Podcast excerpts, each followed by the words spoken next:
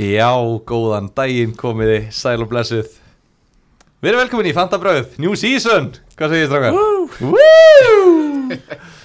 Hérna, ég heiti Gilvi Tryggvason fyrir þá sem hafa ekki hlustað á Fanta Brauð síðustu tvö árin uh, örugglega Margir mjög fúlir að ég sé hérna ennþá en svona semi-nýr leikmaður en samt ekki nýr leikmaður Gunnar Björn, hvernig er þú? Ég er bara mjög góður sko Komið með eitt tímabil á bakið, nú er þetta þitt second season hérna í, í Fanta Brauðum Mhm. -hmm. Hvernig er stemmingin?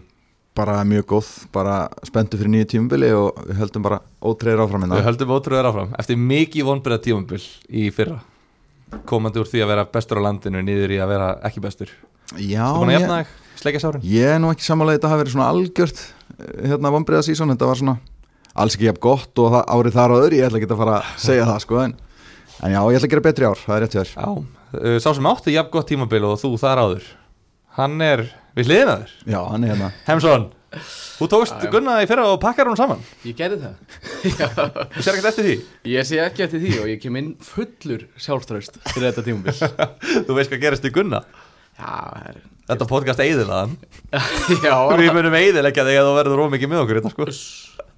ég vil bara reyna að höndla pressuna Já, já, En hérna við erum hérna, þetta er rosalegt line-up hérna hjá okkur í Fantabröðum sko Við erum með meistarna síðustu tvö ár Já. og svo er, já, svo er fjórði aðilinn hérna í dag líka sem er svakalegt rekord sko, bara Hlusti á Já. fandabröð það er Ég veit bara nokkuð ekki ljóst. hvort við tökum þessu sem, sem peppi inn í fjórðameðlum eða, eða ekki en, Ég, ég er hérna líka, ég er ásker hérna, Þú er aldrei unnið Ég var aldrei unnið Eh, Ég var í fjórða seti á Íslandi í fyrra um, Sem er reynda rosalegt Já, ég á end þá fyrsta eftir Og þú líka get ég Já, ég á það, ég á það En hérna, Við erum að berjast við það að þessu sísoni já, það væri eiginlega freka spes ef, að, ef annar okkar myndi ekki taka þetta heim uh, En hvað enda er í heiminum? Óskar? Herri, ég var í 480 Það er virkilega impressiv Það er nefnilega rosalegt Já.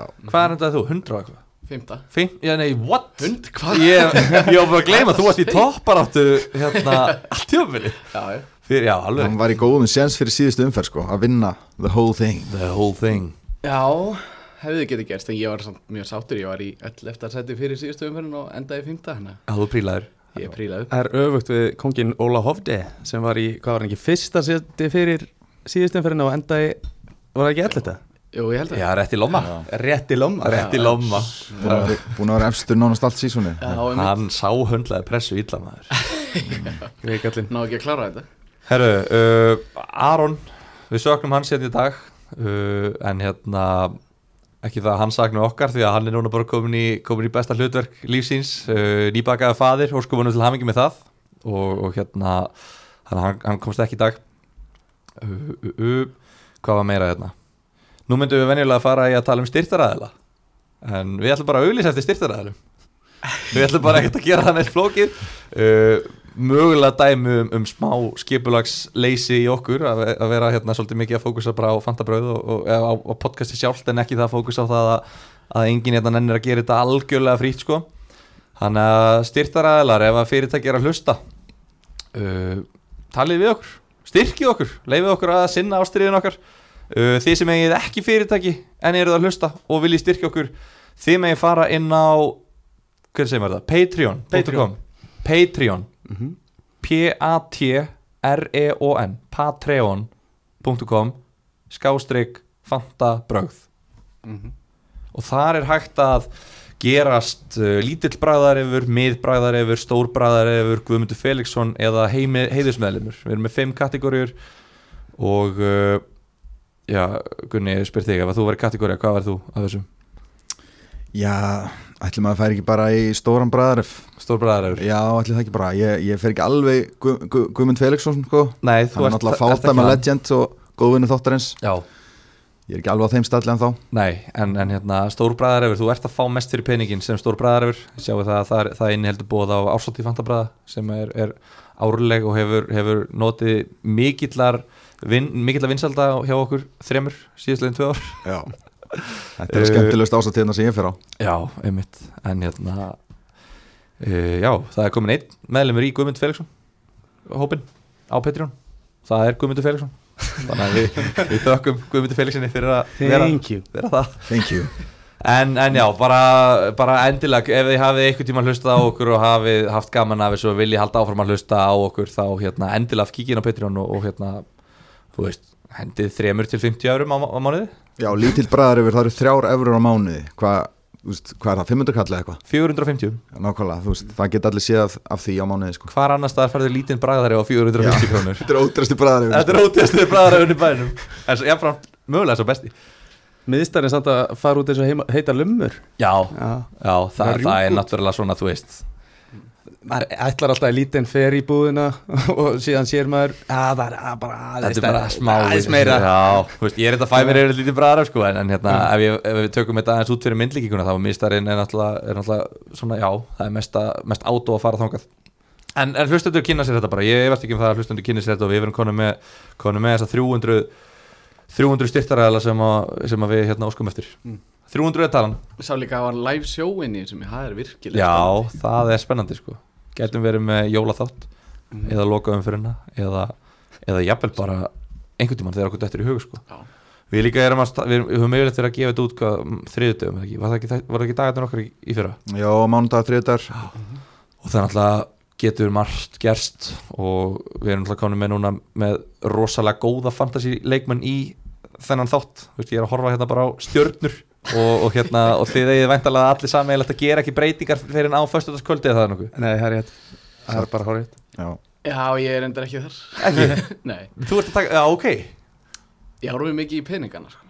Já, við Já, valjum reyndar. Já, Já, ok það verður að hækka en það er reyndar sko, ég gerði reyndar einn misteku fyrra Ég var spilaði Dominic Calvert Lúin aldrei á tímambilinu en ég átti hann einu sinni fyrir mitt tímambili þá var mitt keifti hana því að hann var að fara að hækka í verði Já, já. stærri kringu 20. umferðina Já, já svo kom byggaleikur og í einarskipti sem hann hefur meðist á æfinni Úff Það er ríkala Lítið til varnar sko seldan beint En allavega þá gætum við alveg hendi í, þú veist, við gætum tekið þetta bara 20 minna live spjall bara á kannski einhvern föstu daginn bara ef það gerðist eitthvað mikið í meistaradeildi eða landsleikjum eða eitthvað svoleiðis að ef, að- ef, að- ef okkur finnst það þess virði þá, þá munum við gera það held ég það verður mjög gaman Þannig að það er það sem að menn fá fyrir að vera miðstara og stóri bræðar að vera en ekki litlir uh, En já, annars bara held ég að við getum bara að fara það hjóli í, í tímabilið Já.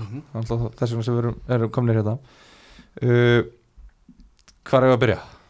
Bara á liðanum, já, eða ekki Stárufröðin, Arsenal Eða hvað? já, jú, eða ekki Eða ekki að taka þetta bara í Star Wars auðvitað því þú veist þeir sem að kannski, það er kannski einhverjir sem að nenni ekki að hlusta á einhver ákveðin liðið eða eitthvað þá vita þið bara að ok, ég ætla að spóla yfir þetta og, og hérna og, og allt þannig en við verðum, við verðum mjög mislengi með hvert lið ég til dæmis væri bara, ef ég var að vera alveg hinskilinn ég get alveg sleft því að tala um Arsenal Að Það er allavega einn leikmaður sem ég langar að nefna í Arsenal Eða, Þú veist, eins og þú segir, þetta er ekki þetta er ekki liðið sem það eru mesta fókus á sko. og þeir eru náttúrulega búin að vera á mjög miklu svona niðursveiflu undarfarið, en mér langar allavega að nefna Ben White þarna Já.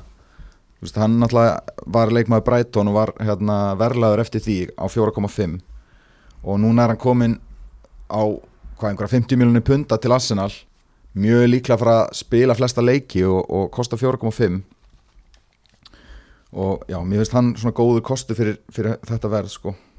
Já sko, ég held að það sé einmitt málið það eru mjög margi sem eru með hann núna, komni með hann held ég mm -hmm. uh, já, mjög, held ég, það eru 25% það Það er alveg, mjög hérna, mikið. það er alveg mjög mikið Það er líka mjög vinsælt að taka mitt Hann er í 4,5 Hann er í þessari púli Það eru mjög margir flottir þar yfirleitt Mhm. mm Menn eru svolítið mikið að vinna með f- nokkra fjóra til 4,5 miljona krónar varnamenn Einmitt. Þannig að hann er góður kandidat í það svona fullkomum gæði sem þú hefur ekkert á móti að hafa á bekknum Nei. en ef hann spilar þá bara spilar hann nefnir svo pró prógramið hans að byrjar á Brentford getur haft hann þar, setur það svo bekkin á móti Chelsea og City, skiptir ykkur máli svo kemur það bara inn á móti Norvids og Burnley, Já. held að þetta sé prógramið hans fyrst Já, hann er á verði sem er í lægi að bekja sko. Þannig að- einmitt og líka bara prógrami í Arsenal sko umferð fjögur til 11 er bara bila gott sko það er eiginlega bara að þú fær ekki mikið betra prógram heldur en þetta en á móti kemur þá er þetta tvö, tvö stóru liði í, í fyrstu þremur Þú veist, hvað erum er við að tala um myndið við hafa hann í byrjun eða myndið við bara kaupa hann eftir þriðjumferð haldið að myndi hækka eitthvað mikið á móti Chelsea og City nei, ég myndi bara geima hann á bekknum bara aftast hann á bekknum í þessum leggjum Já, spila hann jafnvel í, í fyrsta legg og, og geima hann svo á bekknum og ég held að það sé mjög mikilvægt að hafa spilandi bekk á á þessu tímanbili Já, eins og já. síðasta einmitt Því að við vitum aldrei hvort að leikjum er frestað og þess að það þannig að ég held að þetta sé bara alls ekki villast að hafa leikmenn eins og hann á bæknum einmitt Breytin kom heldur betur vel að, kom, hérna, kom sér vel í fyrra Já, og hann fekk mikið skýtkast fyrir það að vera með, með öflóðan hóp Það er algjör óþræð að vera eitthvað að rótira 4,5 miljónar krónar mönnum á fyrstu umfyrir tímabilið sko. Já, Þetta- reyndar í að eða transfer í það Já, eða transfer í það, þú veist. Þið eru svo góður í fantasy Ég er búin að vera með podcastið í tvö ár og ég er strax bara, oh, auðvitað er þetta svona Þú veist, maður bara, shit, komar heimskupa En, það er, eh, en Smith Rowe, hvað segir um hann? 5,5 miljónir, mm. miðumæður og er, gæti verið valju honum. já, Já. sammála því þessi virkilega maður sem að maður fylgist líka með í byrjun sko. maður veit ekki alveg hvað hann er að fara að spila ég held að hann, Nei. hann verður í eitthvað staðar alltaf hann takk ekki við af Örsil hann í hans stöðu Já. og það er bara spurning hvernig hann tæklar það sko. hvernig hann kemur inn og, og hann Algjörlega. náttúrulega var, átt- var fítn í fyrra sko. Hann var, hann var á svo mikið inn og útið ekki Fekk Jú, hann ekki svona jú. tarnir að spila og svo tarnir ekki að spila eða, Ég menn ekki hvort að ég, ég sé að rugla jú, það er eiginlega rétt sko en hann var að spila mikið allavega í lokin já, og mér finnst hann og, og líka Bukayo Saka vera leikmenn sem maður svona er með au, annað augað á og fylgist með sko en, já, en ég ætla, ætla ekki að byrja með þá en, en þetta er leikmenn sem maður þarf að fylgjast með Er ekki menn að nota watchlistan góða? og, Ég nota hann yfirleitt sko Eða? Ég- Ég seti yfirleitt vortslista bara fyrir fyrstu umferð Já. bara svo ég mun, svo ég gleymi pottet engum, Já, þú einmitt. veist eh, gæja í Brentford á fjóra sem að á að byrja, þú veist, ég vil bara nöfn sem ég man ekki skilju, klálega. en, jæna, en svo hætti ég þetta hann, hann, ég vil að það sé á hreinu Ræðilegt að það er ekki í mobile na, versjónu. Já, já, ok Þú getur ekki bætt leikmennu þar. Eh, Nema, þú veist, drullið yfir mig, sendu mér skilabóð ef að þetta er að fara rátt fyrir mér. Hann mun eitthvað drulla yfir þig fyrir að vita ekki að vortslist er í mobile versioninu En svo er- Náttúrulega- Það er náttúrulega að nota bráserinn Já, Við já. brá- brásermenn, er það ekki? við brásermenn erum reyðir þegar það er talað um appið Já. Þetta er bara Já. drasl, þetta er alltaf að bila Þetta er bara gamli b- góði bráserinn, klikkar Já, aldrei En sko, menn eru misgamlir að spila misgamlir hérna í stúdíóinu og hérna, hér er greinlega bara hérna, gamli kallinn að tala Gamli skólinn Já, en við virðum hann, við virðum hann Tveir kannski svona, tveir heitir Niklas Pepe á 7,5 og, og Joe Willock á 6 Þeir enduðu tímabilið fyrra rosalega vel En við höfum kannski ekkert sjúklega mikið álita á hann sem fótboltamönnum Joey Lock er líklega farin til Newcastle Það er það málið? já, Já, hann er mjög líklega bara skrifundir bara, ok as we speak hérna Já, það er svo leiðis Hann er, já, ok Já, já, en svo þú veist, Obama á 10 og Arlaka sett 8,5 Ég held, þú- ég held að þú Ég- þurfur að vera með helviti fín gleru til þess að hérna, vera með þá í fyrstum Já Eigum við eitthvað að eða fleiri orðum í, í þetta Nei. lið? Nei Það er ekki að gera uh, Aston Villa, Það er spennandi. er það? Ég veit ekki, það er bara svo, sko, maður náttúrulega bjóti lið fyrir mánuði síðan þegar þetta kom út eða þrejum vikum og ég kastaði fram bara einhver í pott og, og, og leti, sem, leti þetta marinerast í mánuð og hef ekki snert þetta síðan fyrir en í gær, þá var ég með Watkins Já. skipt honum bara út fyrir Ings núna og, og er held það, hvað segi, er hann ekki Ings alveg gott að pikka það? jú, ég held það og sérstaklega eins og í fyrstu umferðinu Watkins er tæpur þannig að Ings er alveg pottið að fara að starta og Ings mun alltaf vera held ég framar Ég mun Alveg. alltaf vera svona center strikerinn og Watkins jafnvel færist aftar á vinstri sko. Já Þannig að ég held að Ings sé mjög gott pick þó að hann sé farin eða bara miklu betra pick núna eftir að hann fóð til Aston Villa heldur en hann var í fyrra sko. Ég veit ekki hvort þetta er nú nálaðt mikrofónum Já, ég, ég, ég átti mikið á það, ég heyri svo þetta í hljóðinu sko Mér líður alltaf eins og ég sé að öskra sko, þannig að ég- Já, þú ert ekki að tala, þú ert ekki að skaffa herrin í heldi Er þetta ekki, þetta er skára? Já, þannig erum við Vá, herru, herru, þarna kom hann. Hemsson, velkomin í þáttinn Takk fyrir það, gaman, gaman, gaman Þú að segja hérna að viti hvað sem er hérna, En, en af hverju skipti yngs yfir? Eh, Það er bara mjög spennandi verkefni í gangi hjá Villa núna Þú Já, já. Veist, Þetta er bara sofandi risi sem er að vakna og þeir ætla sér bara stóra hluti Rísatór Já. klubur sko með þessi stóra sögu og, og nóa pening núna Mhm. búin að kaupa hvað, fjóra Já. nýja leikmenn Sko þeir eru búin að, ef við förum aðeins yfir hvað þeir eru búin að gera, þeir eru tóku Ings sem að mér finnst mjög gott pick Já. Sam, Sammála Hemsson að mér finnst hann betra pick en Watkins og Watkins er líka tæpur eins og, já, hann nefndi það Svo keftur hann að búa en Día sem að, frá Norvits sem að var með mjög góða tölfræði þegar hann var með Norvits í deildinni fyrir tveimur árum Það var bara frábær Klálega. já. Þannig að það var bara í Mér- ömulegu lið Já, já, Bara- hann, hann var með gæðin sko Hann lítur mjög vel út en hann er reynda tæpur líka Við vitum ekki hvort hann spila fyrsta leikinn og svo keiftur hann einhvern Bailey eða eitthvað Já, já, sem að lítur líka mjög vel út hann á, tekur einhverju hérna föst leikadriði og er mikið að skora og leggja upp Þetta er eitthvað fútbol manager gæði, er það ekki? Leon Bailey Við minni það Jú, það er ekki nafnið sko Já. Kannast alla- uh, Já, æ, ég veit það ekki, þú veist, grílis er alltaf farinn og maður svona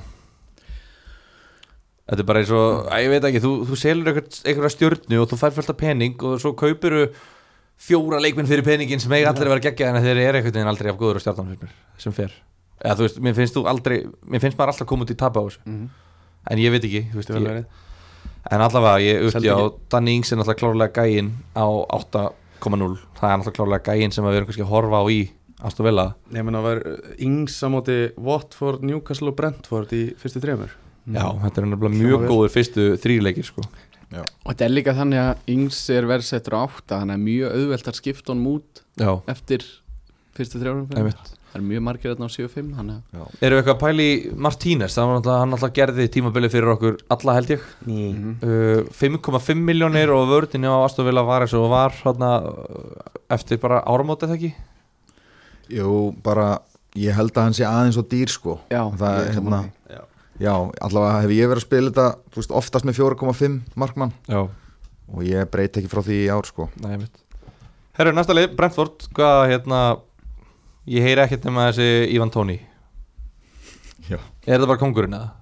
6,5 miljónir Já, 31 mark í fyrra, Já, 10 assist Já, Þetta er náttúrulega ótrúlega tölfræði og þetta er mest uh, hann er í flestum liðum af öllum framverjum 30% Já, þannig að þú veist, það segir bara sitt þessi gæði, já Er hann þetta hann ekki bara gæti það hæ? stemt í hérna, nýtt púkipartí sko Er það Með- málið? bara tó- hérna, tónipartí sko Sko, ég mista púkipartíinu Ég var aldrei meðlumur í púkipartíinu Ég er að pæli að hoppa bara á hann og bara eigðileginn fyrir öllum öðrum út af því að við vitum alveg að það verður ekkert partí ef að ég er hérna, með hann í liðinu mínu Ég er svona pæli í því, sko mútt endilega taka hann Er það, allar ekki að hafa hann? Nei, A- en- ég, ég er með hann í draftunum mínu sko. Ok. ég, ég er líka þannig að ég vinn mikið með að setja peningin á miðuna og Mhm. þá er þetta bara tilvalinn maður til að hafa inn og ge- þú veist, mér er eiginlega alveg sama þó hann sé á bekknum Já, já og ég get það annarkvort haft að þrjá fram með hann á bekknum og já, það er mjög gott allavega præs til að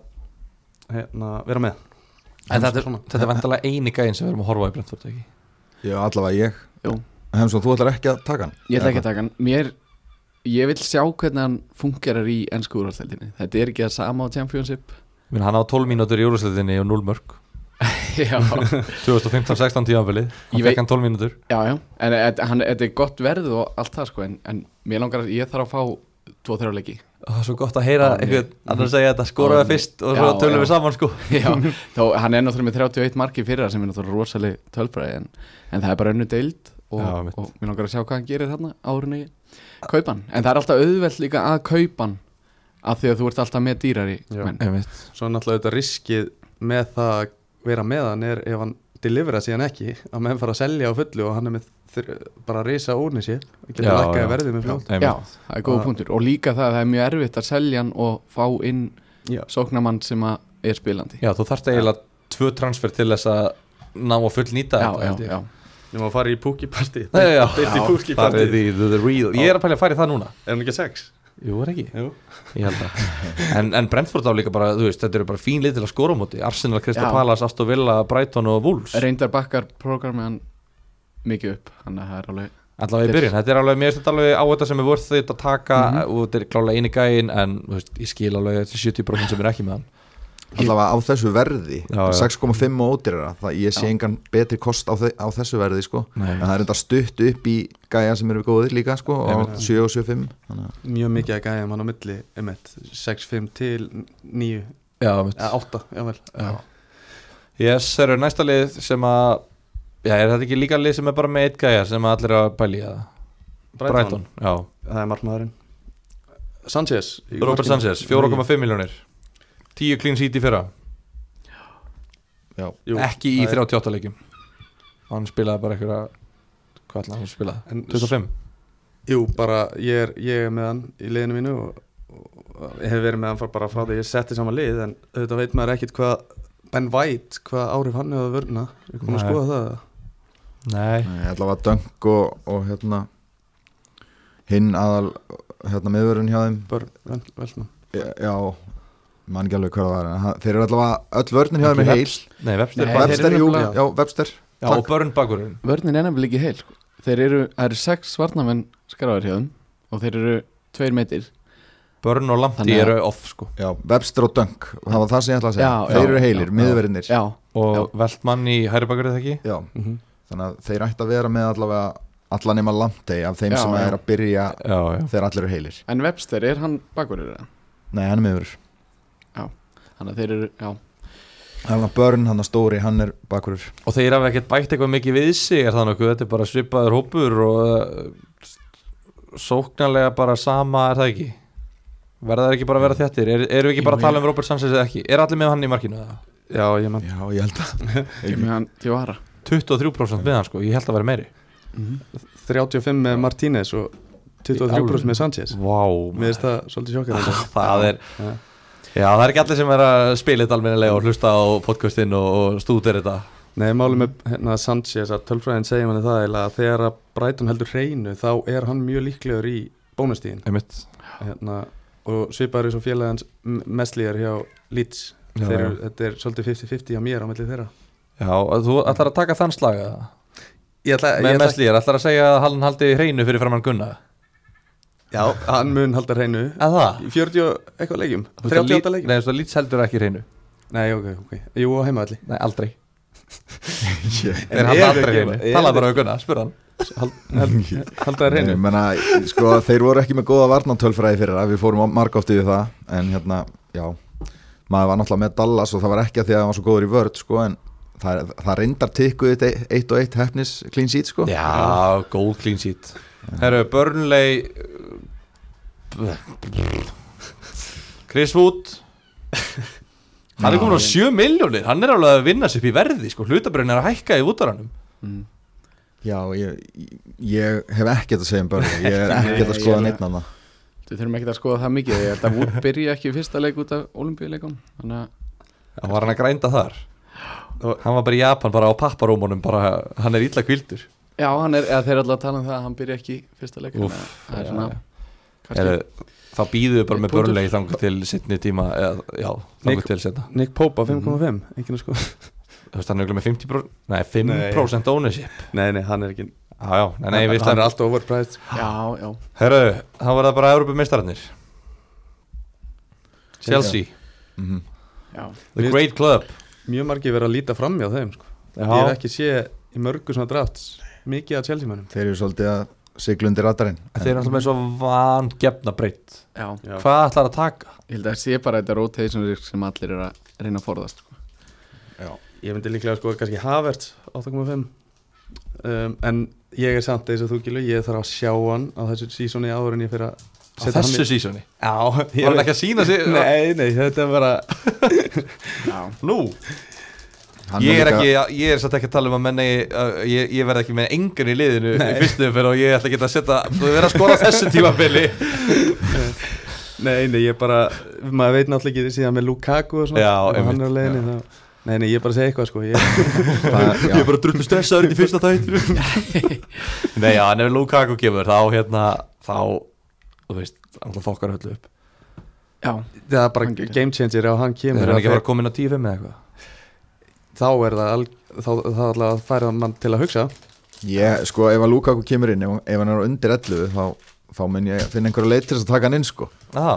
Já, hann er, þú veist, hann er allt öðri segilega heldur en var þegar hann var hjá United hann er léttari og svona einhvern veginn, hann er með betri tölfræði sko hjá- hjá Inder heldur en hann var með á Englandi, það er alveg klárt maður veit ekki, kannski tengist að lélæri deildi eða svoleiðis, en hann lítur alltaf mjög vel út og hérna ég held að ég taki hann inn ef hann kemur sérstaklega ef hann- ef hann er undir 11 Mér finnst þetta bara svona gæði sem þarf að vera aðalstjarnan í liðinu Þú veist, í Belgíu, í Inder og svona Þú veist, þar blómstrar hann og það þar er bara, hey Lukaku, þú er gæðin sem að skora mörkin En hver, það, hann, er, gæ- hann er stjarnan ef hann kemur hann hver, þú veist, Tímo Werner gerir ekkert um að klúra döðafærum hann hann, hann, þú veist, slæðir hann út og Abraham er örgulega að fara þú veist, það er engin framherja hann Havertz hefur verið að spila eitthvað svona falska nýju En ég meina, hver var framherri síðast þegar hann var að telsi?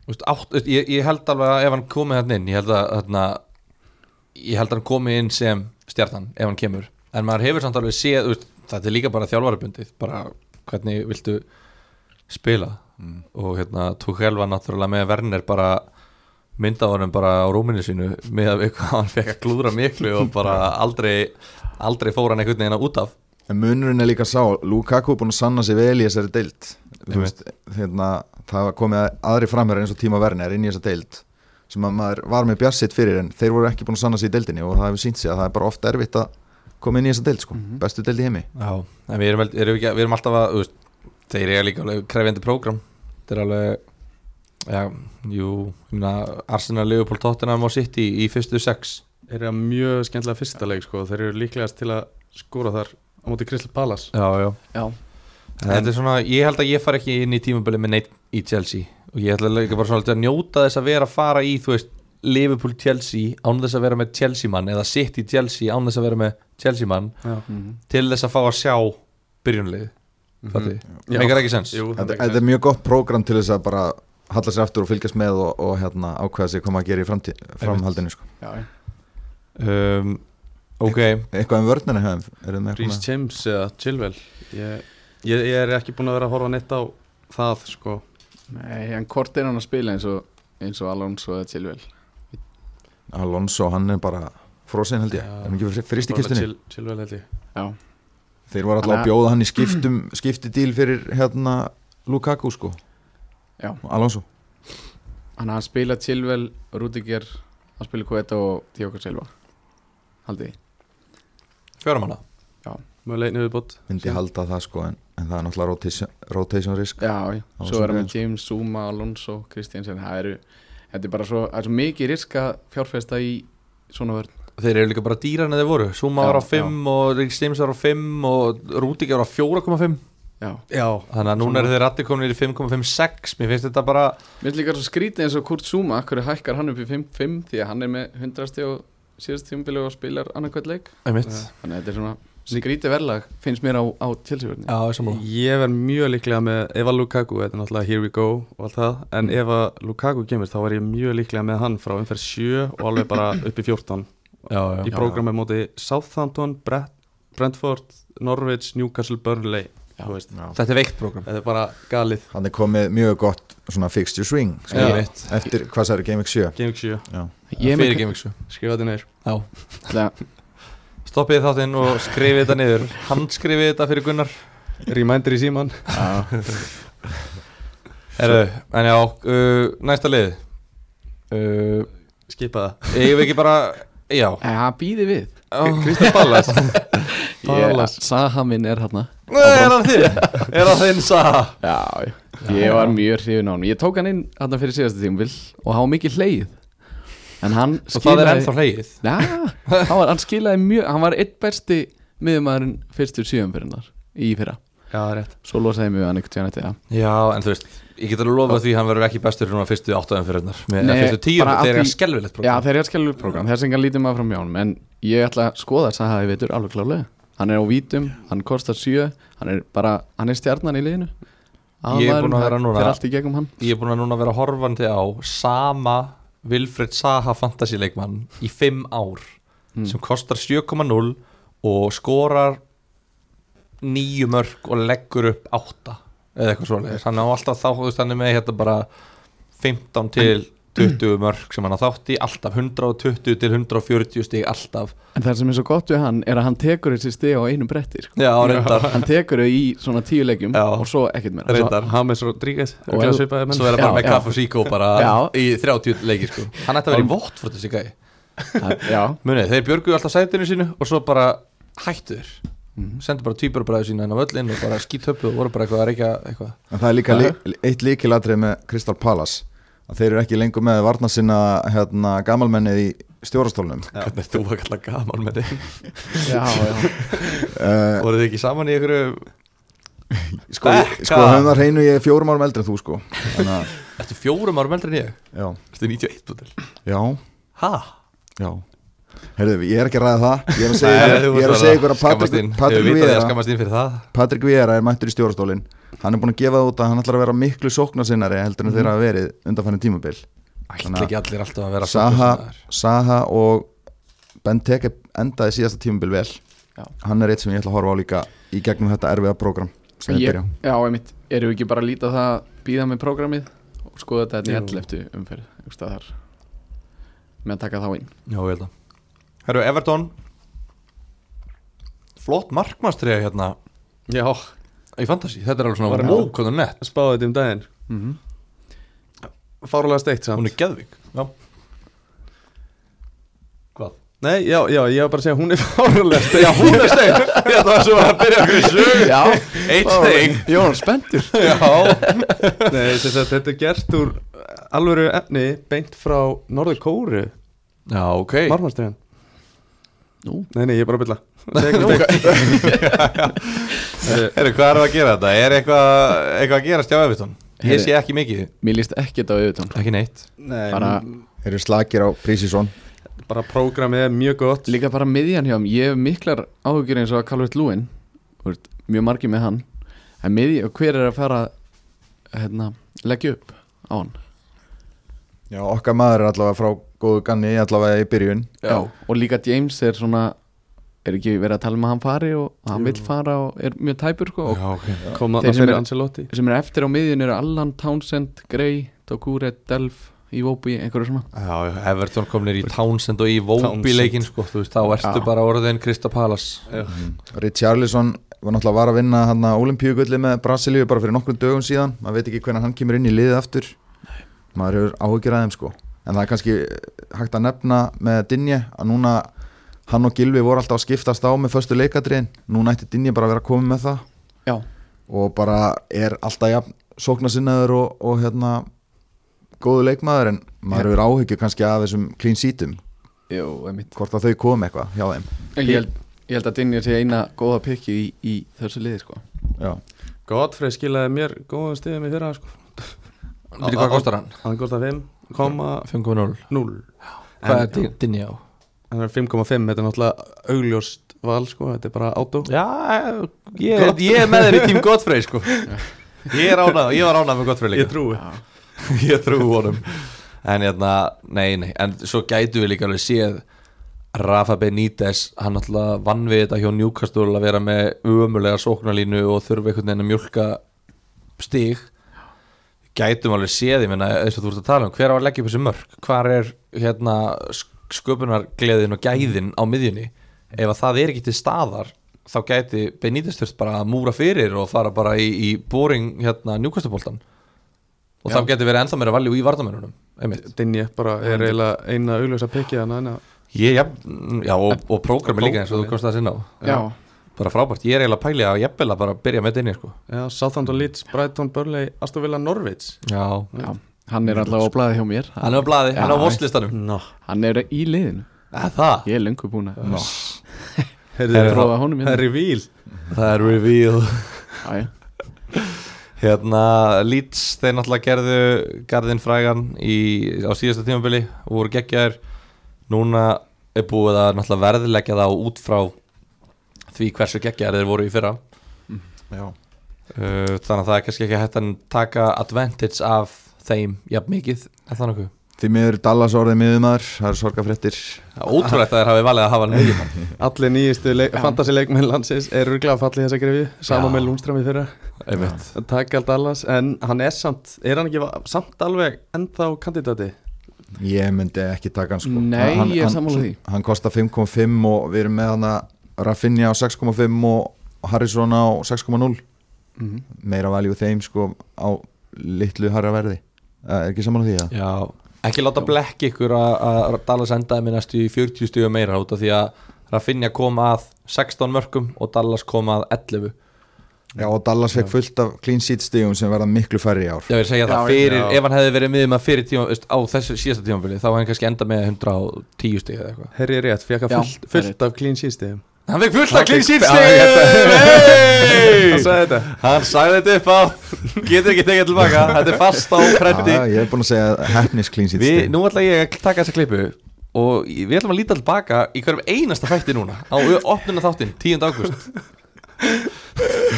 Yes Vel spotta já, takk, takk. hérna, En hvað er, hva er það Jú, að tala um? Erum við ég- bara að sleppa lítið? nei, Rafinha frá 50 umferð það er bara, ég er, þetta er algjört fixture swing hjá þeim þar þannig að maður getur svissað yfir í Rafinha uh, þeir eiga Newcastle, West Ham Watford og svo framvegis já, já. Southampton, ég- þetta er all, öll þessi lið bara sem maður telur yfirleitt alltaf upp þegar það Einmitt. er góð fixture Einmitt. En svona kannski núna fyrir þá sem er að pæli ég reikna með að hlusta þetta séu svolítið mikið að hugsa bara núna fyrir fyrstu umferð og svo, svo svona náttúrulega koma fullt af fixusving og við munum alltaf reyna að skipu, láta hlusta þetta vita með fyrirvara og skipuleg geta bara saman með þeim með fyrirvara en fyrir fyrstu umferðina er einhver með einhvern leikmann hérna eða er einhver að pæli í hústur að finja eða Bamford eða eitthvað svolítið Já, ég er meira að finna alltaf. Þú ert með það? Já, ég er líka með það. Það er, ú, ok, ég var með hann ok, hvað, ætlaði bara að senda hann á Old Trafford bara í þrennu? Hann var á bekknum hjá mér alltaf Fyrsta leik Ég er bara búin að heyra varamörunum Ég er spenntur að heyra hérna, the, the starting line-up Og bekkurinn er dýr sko ah, Já, ja, Þú ert alveg með 6.5 á bekkn já, já en það er hérna með Leeds, það er mjög stert að vera með Eiling líka það er mjög, ég myndi halda að hans væri alveg fín punktur hann á 4,5 Mhm.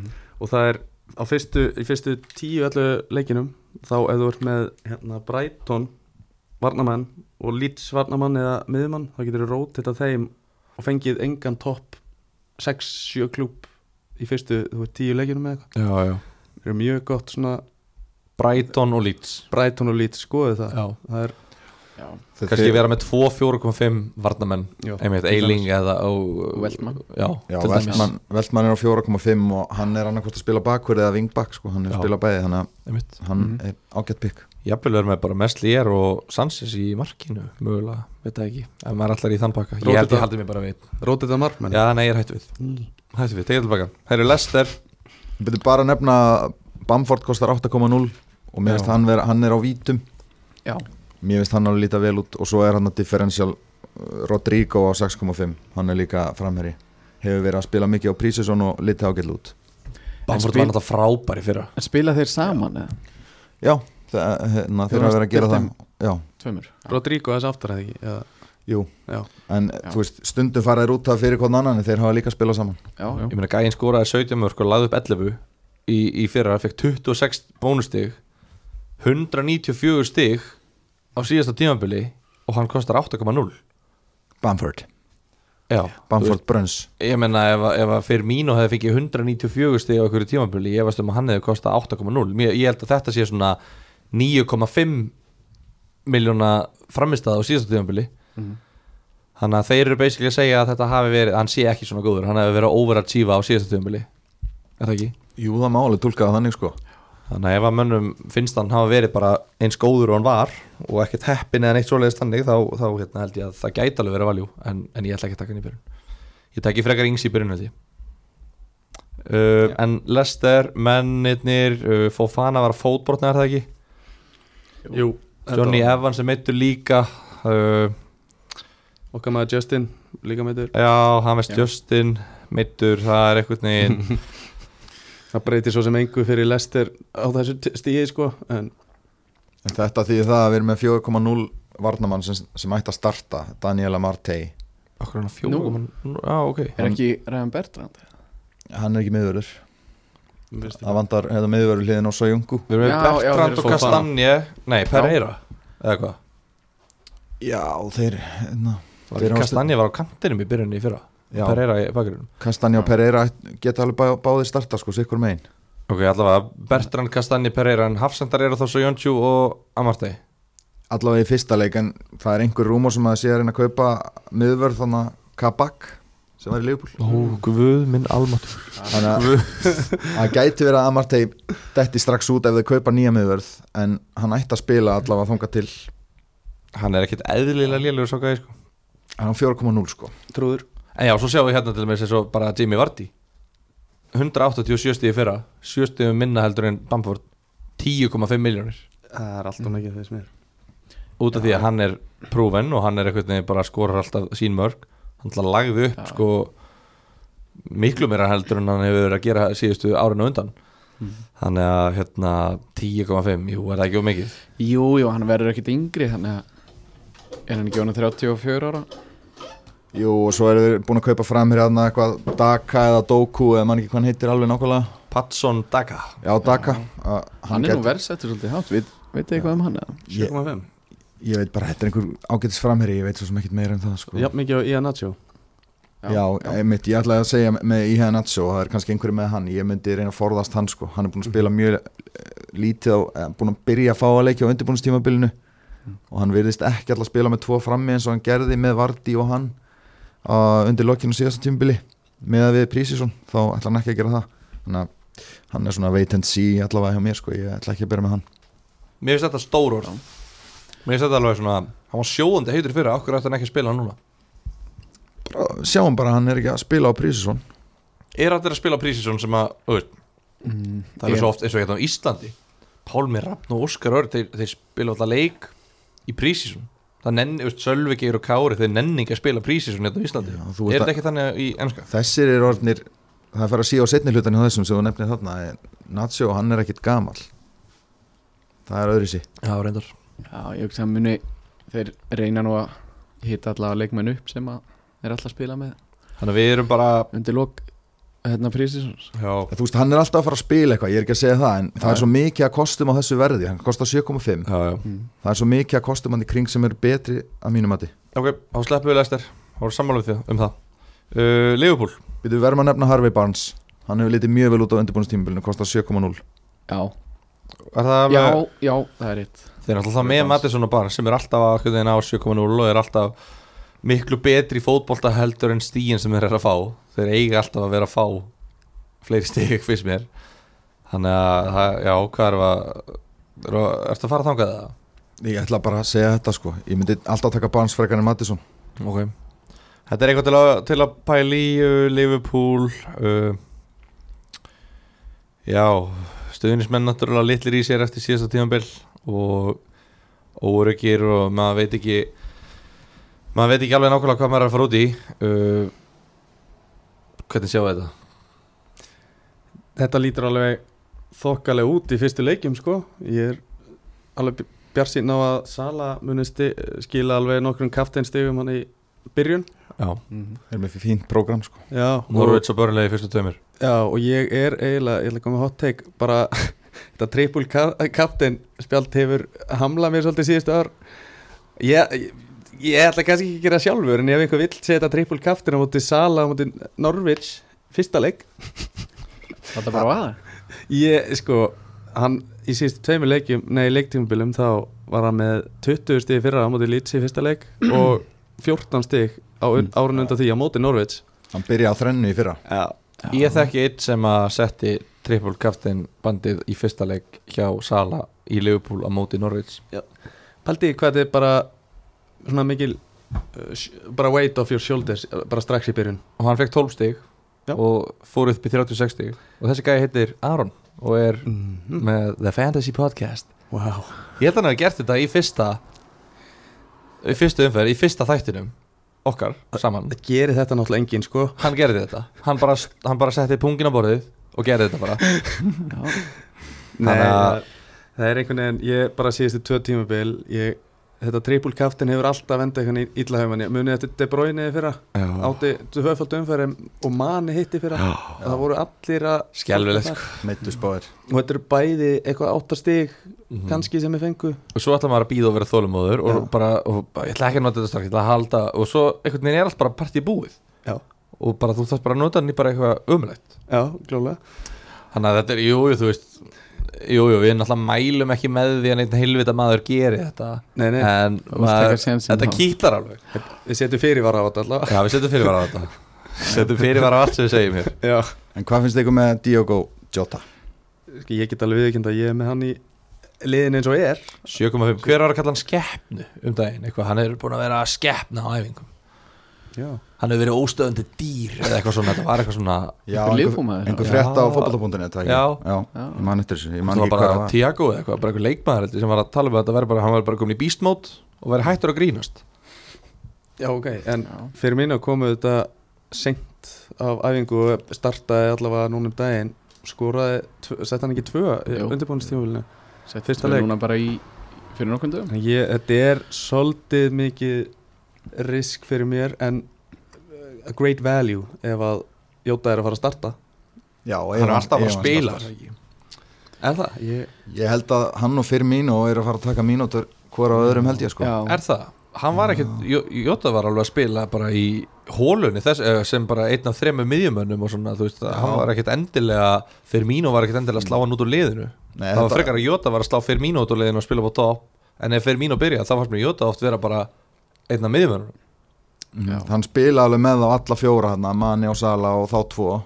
Já. gerði það alveg en síðan voru líka leikir þar sem hann var með bara Jota eða bara fyrir mínu sko þannig að Jóta Já. kemur náttúrulega inn frekar svona seint inn í þetta og hérna þá erum við komnir í þessi hérna, meistar þetta prógram og, og hérna, það allt núna er þetta bara, hey, það er bara veikamilli leikja alltaf og við bara fáum alltaf að spila okkar sterkasta liði þannig að Já, mér finnst átó að vera með þrjá leifbólmenn í byrjun sko ég er þar, já, allavega er Þi- þú, ekki- heldur þú ekki með Arsenal, ertu búlari? ég er búlari Þú ert búlari, já, ég var ekki viss Glerum væri uppi ef að þú myndir sjá Já, gleraugun ef maður væri er ekki Arsenal. hægt að sjá ekki Arsenal lirun, það er rétt Nei. að þér heyrðu, má ég hérna áður en við förum að tala um vörninu hjá Leifupúl þá hérna þá skulum við heyra lag hérna heyra smá lag Það er eitt legend að koma upp í Leifupúl vörninni og hann kostar 4,0 og það er þessi leikmaður hér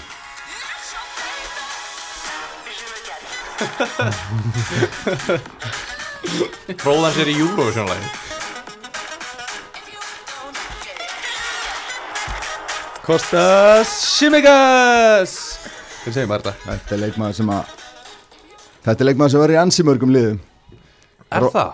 Kostas Kostas Simikas Hann hérna, Robertson meittist síðasta æfingaleik Snýri svo ökla, verður frá í einhver tíma Og Simikas er að fara að spila Í bakverðinum í staðinn Er það bara, allar að, allar að bara segja þetta? Já, hann er, hann er gerir það. bara að fara að spila þú veist, þetta er ekkert eitthvað, Emilin er ekkert að fara í vinstri bakur eins og bara alltaf þegar Robertson er meittur og er hérna er Gómez ekkert að fara í bakurinn eins og bara stundu þegar að hérna, þegar hann er meittur, er, er Simikas bara gæinn Þeir keifta hann fyrir það Þú veist, af Já. því að Milner var alltaf í bakarunum Og hann er búin að vera ferskur á undirbúinstímabilinu hann spilaði eiginlega ekkert í fyrra Að sista í gær Hann var Nei, meittur Robertson var stóran eini- part sko. Róbertson var eini sem var ekki middur í vörninni fyrir Hjá já, Leifbúl hann var eitthvað kvildur og Já. hann er alltaf Sko, já, ok, hann, ég hann lagði upp í síðasta æfingaleik Hann Simikas og síðan Spilaði Milner einhver smá stund í bakverðinum Og ég sá eitthvað tvít Ég horfði ekki á leikinn sjálfur en ég sá eitthvað tvít um að Að Milner myndi ekki spila aftur hann í Já. bakverðinum Það var bara 45 minnur búin að leiknum og ég get lofað eitthvað því að Milner spilar ekki Já, það var Líka. einhver, jú, ég man ekki hver það var sem að pýtaði þessu herru, En- Nat en- Phillips er að fara í Brighton eða ekki var það ekki eitthvað? Ég hef ekki séð það Nei, ok En, en bara þannig við nefnum Alexander Arnold já, Trent Já, ég var að tala eitthvað um hann í Fantasy Podcast Þú veist, kannski segjum Já, hafa hann í liðinu og heldum áfram já, já Eða hvað? er hann, sko, hann er með 31% ownership, hann alltaf steigu upp hann alltaf byrjaði skjálfilega og svo reyf hann sig í gang og endaði með alveg, þú veist, hann, ég meina, hann kemur að tíu mörgum og heldur hreinu tíu sinum, hann er með 160 stig og kostar 7,5, þetta er alveg það var ekkert hörmulegt tímabil eftir allt saman, Eh, Og næst stigastur að ekki að varna með hann hann er alltaf að stíja eftir Robertson sig, Já. þannig að ég, jú, voru þeir tveir eftir, nei, Já. er það, jú, þeir voru tveir eftir Já, með að við þetta ræðilega sísón sem Það allir eru er um, sko. rosalegt um þetta en, en já, ég veit ekki alveg svona Er hann ekki eiginlega Verður maður ekki alveg að hafa hann Jú, ég held að sérstaklega eftir þetta sumar hann hefur fengið góða kvíld og sá okkur að mynda á hann um daginn í ríkalegu formi sko. Aha. Já, já, Er hann með Revenge Buddy hann er, hann er alveg vöðvar á gæðin Þannig að ég held að hann sé bara, hann er skilda Já, Nei, það en- er bara svo Þeir Ég sem tek undir þóra það. Já, þeir sem Já. þóra að dángrita hann bara niður í einhver, þú veist fimm- 4,5 miljón, þá ertu komið nokkuð góða pening til að hendi sóknina en Mm.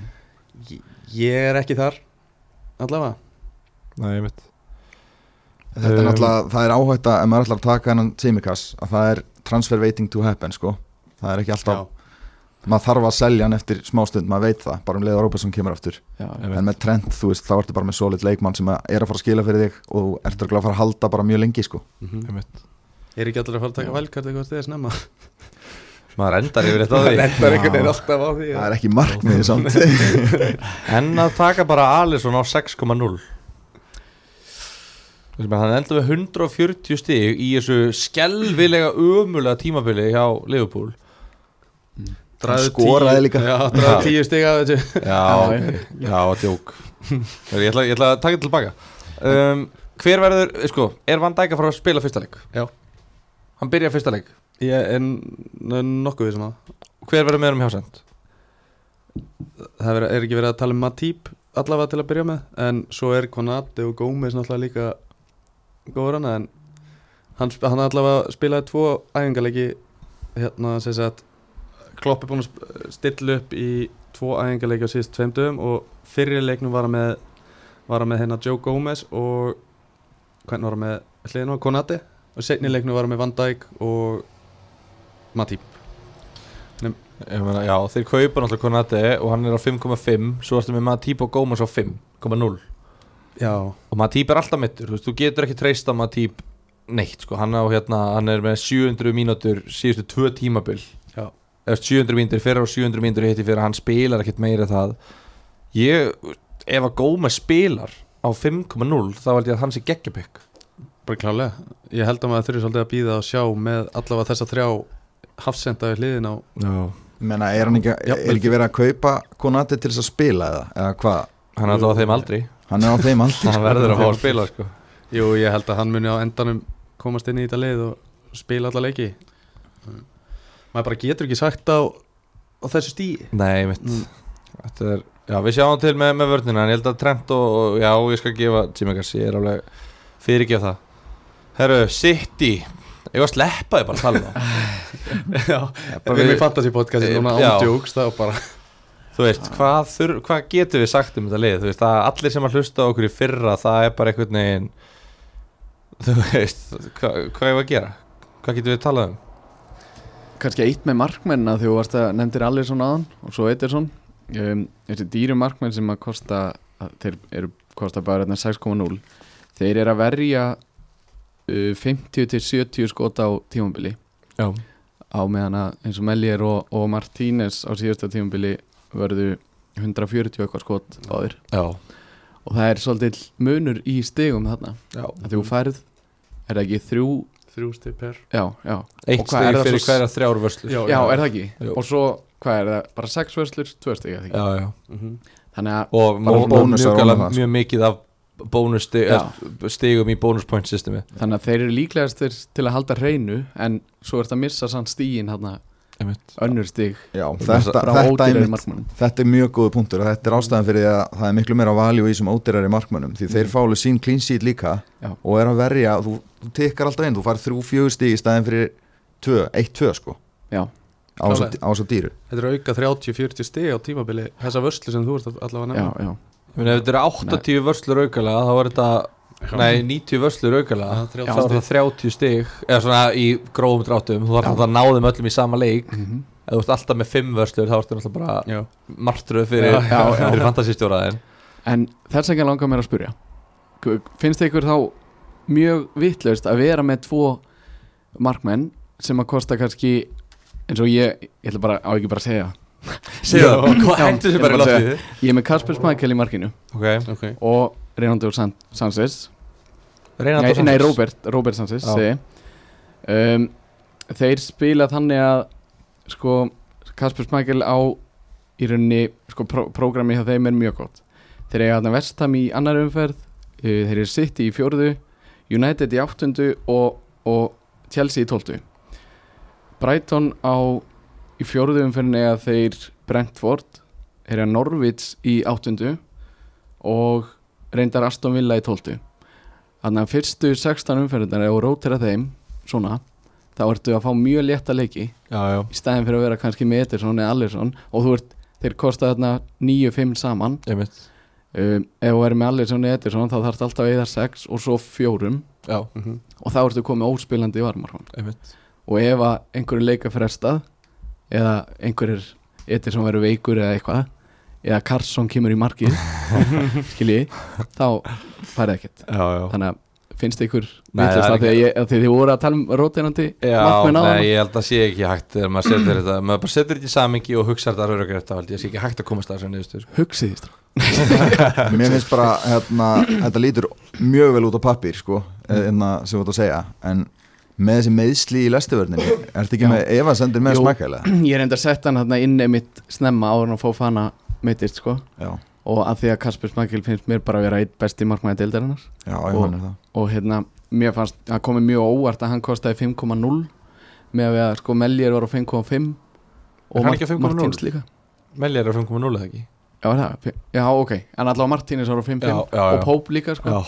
Þannig að ég, og svo horfði maður hérna á Kasper Smækel og mér finnst hann bara virkilega gott, uh, góðu kostur já, en jú, ég reyndar, það er alveg rétt hjá þér, ég, það eru smá efarsendi núna út af vörninni, sko Ég myndi ekki freka nýta hvað þetta eru uh, þetta eru 8,5 miljón þeir Mhm. mm. á milli sín ég myndi ekki freka nýta þú veist, að dángrita smækjel nýr í fjóra minna króna óspilandi markmann og það er auka miljón til að gera eitthvað fram á við mér finnst að muna bara svo miklu meira þar heldur en að hafa þetta sitandi á bekknum Já, já. og allavega þessu stíi það, er, þetta- það, það er nákvæmlega þetta sem maður er alltaf að debata Mhm. bara er ég, þú veist, þetta er einu auka miljón í markmennum, maður vill einhvern veginn nota sem minnsta pening held í flestir í markmennina sína en samt er það svo mikill höfverku líka og þú gæti verið að ná að græða kannski 20-30 stig aukalega fyrir þessa miljón eða ekki, þú veist eða Já. þú græði bara ekkert á því ég ætla að setja upp í Excel, býða aðeins þetta er áfram að tala hérna, já.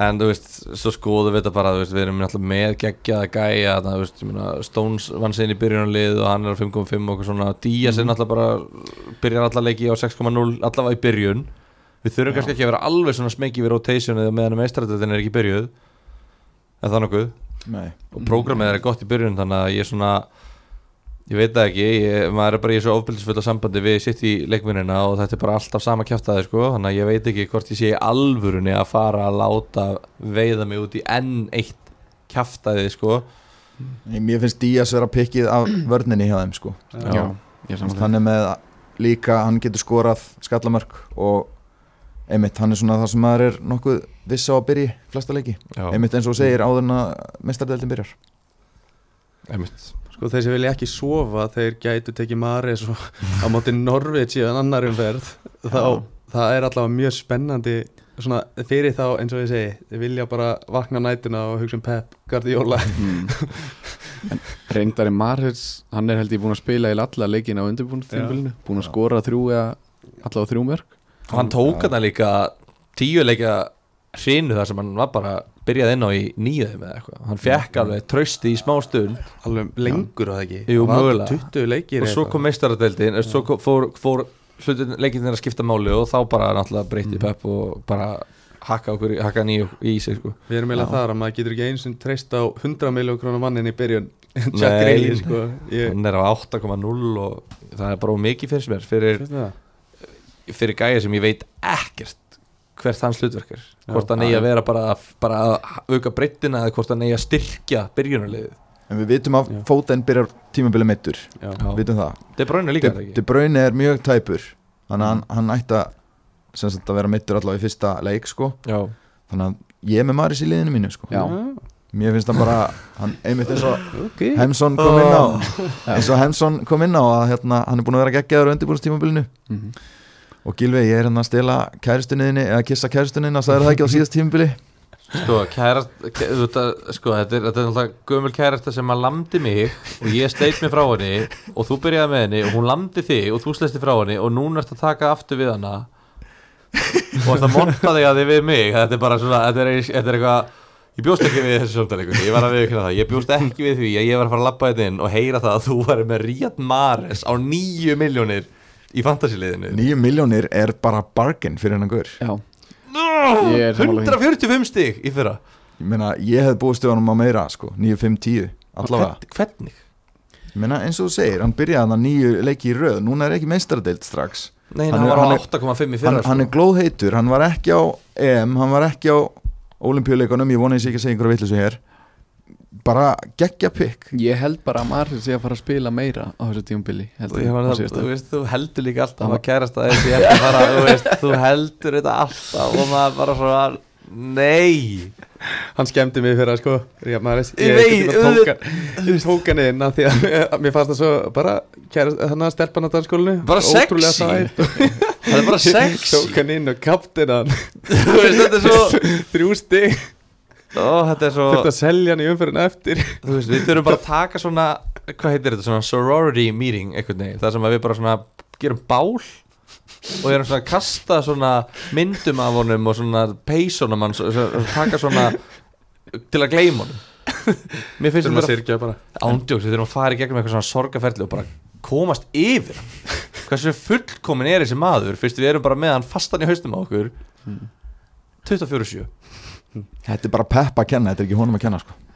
Pe Pep bara þetta eiginlega punkturinn yfir yfir hjá mér var í fyrra þegar ég, ég var með Díaz, ég, ég var með Stones og Cancelo í liðinu mínu og hugsaði, já, Sala var á móti einhverjum von- erfiðum, þannig ég hugsaði já, ég ætla að vera örugu með hennar City á móti, var það Norvits eða eitthvað svona kjaftaði Nei, það var allavega ekki Norvits, það var hérna Væsbræðs Albjón eða eitthvað Já kaftenaði Díaz og, nei, Cancelo og setti Væskaftin á Stones og spiluði hvorur Jesus Christ Nei, nei, nei, nei. og ég bara, og þetta var leksi að ég ætla aldrei að Væskaftina einhvern í sama liði Nei, og ég ætla heldur ekki að kaptina varnamann í City aftur Nei, það er Það gerir það ekki sko. Þetta er svona mjög góð regla að bara kaftina og væskaftina ekki gaur sem er að spila í sama leiknum Já. Já, já. Af því að ef að leiknum verður frestað sko. Mhm. Þetta er bara svona sko. þumafingurs regla svona. Mhm. Herra, við þurfum að kera Ok. okay. í gang uh, Förum hratt yfir uh, Bara eitt kannski af því að nú er Jésús eini framverðin sem er eftir í seti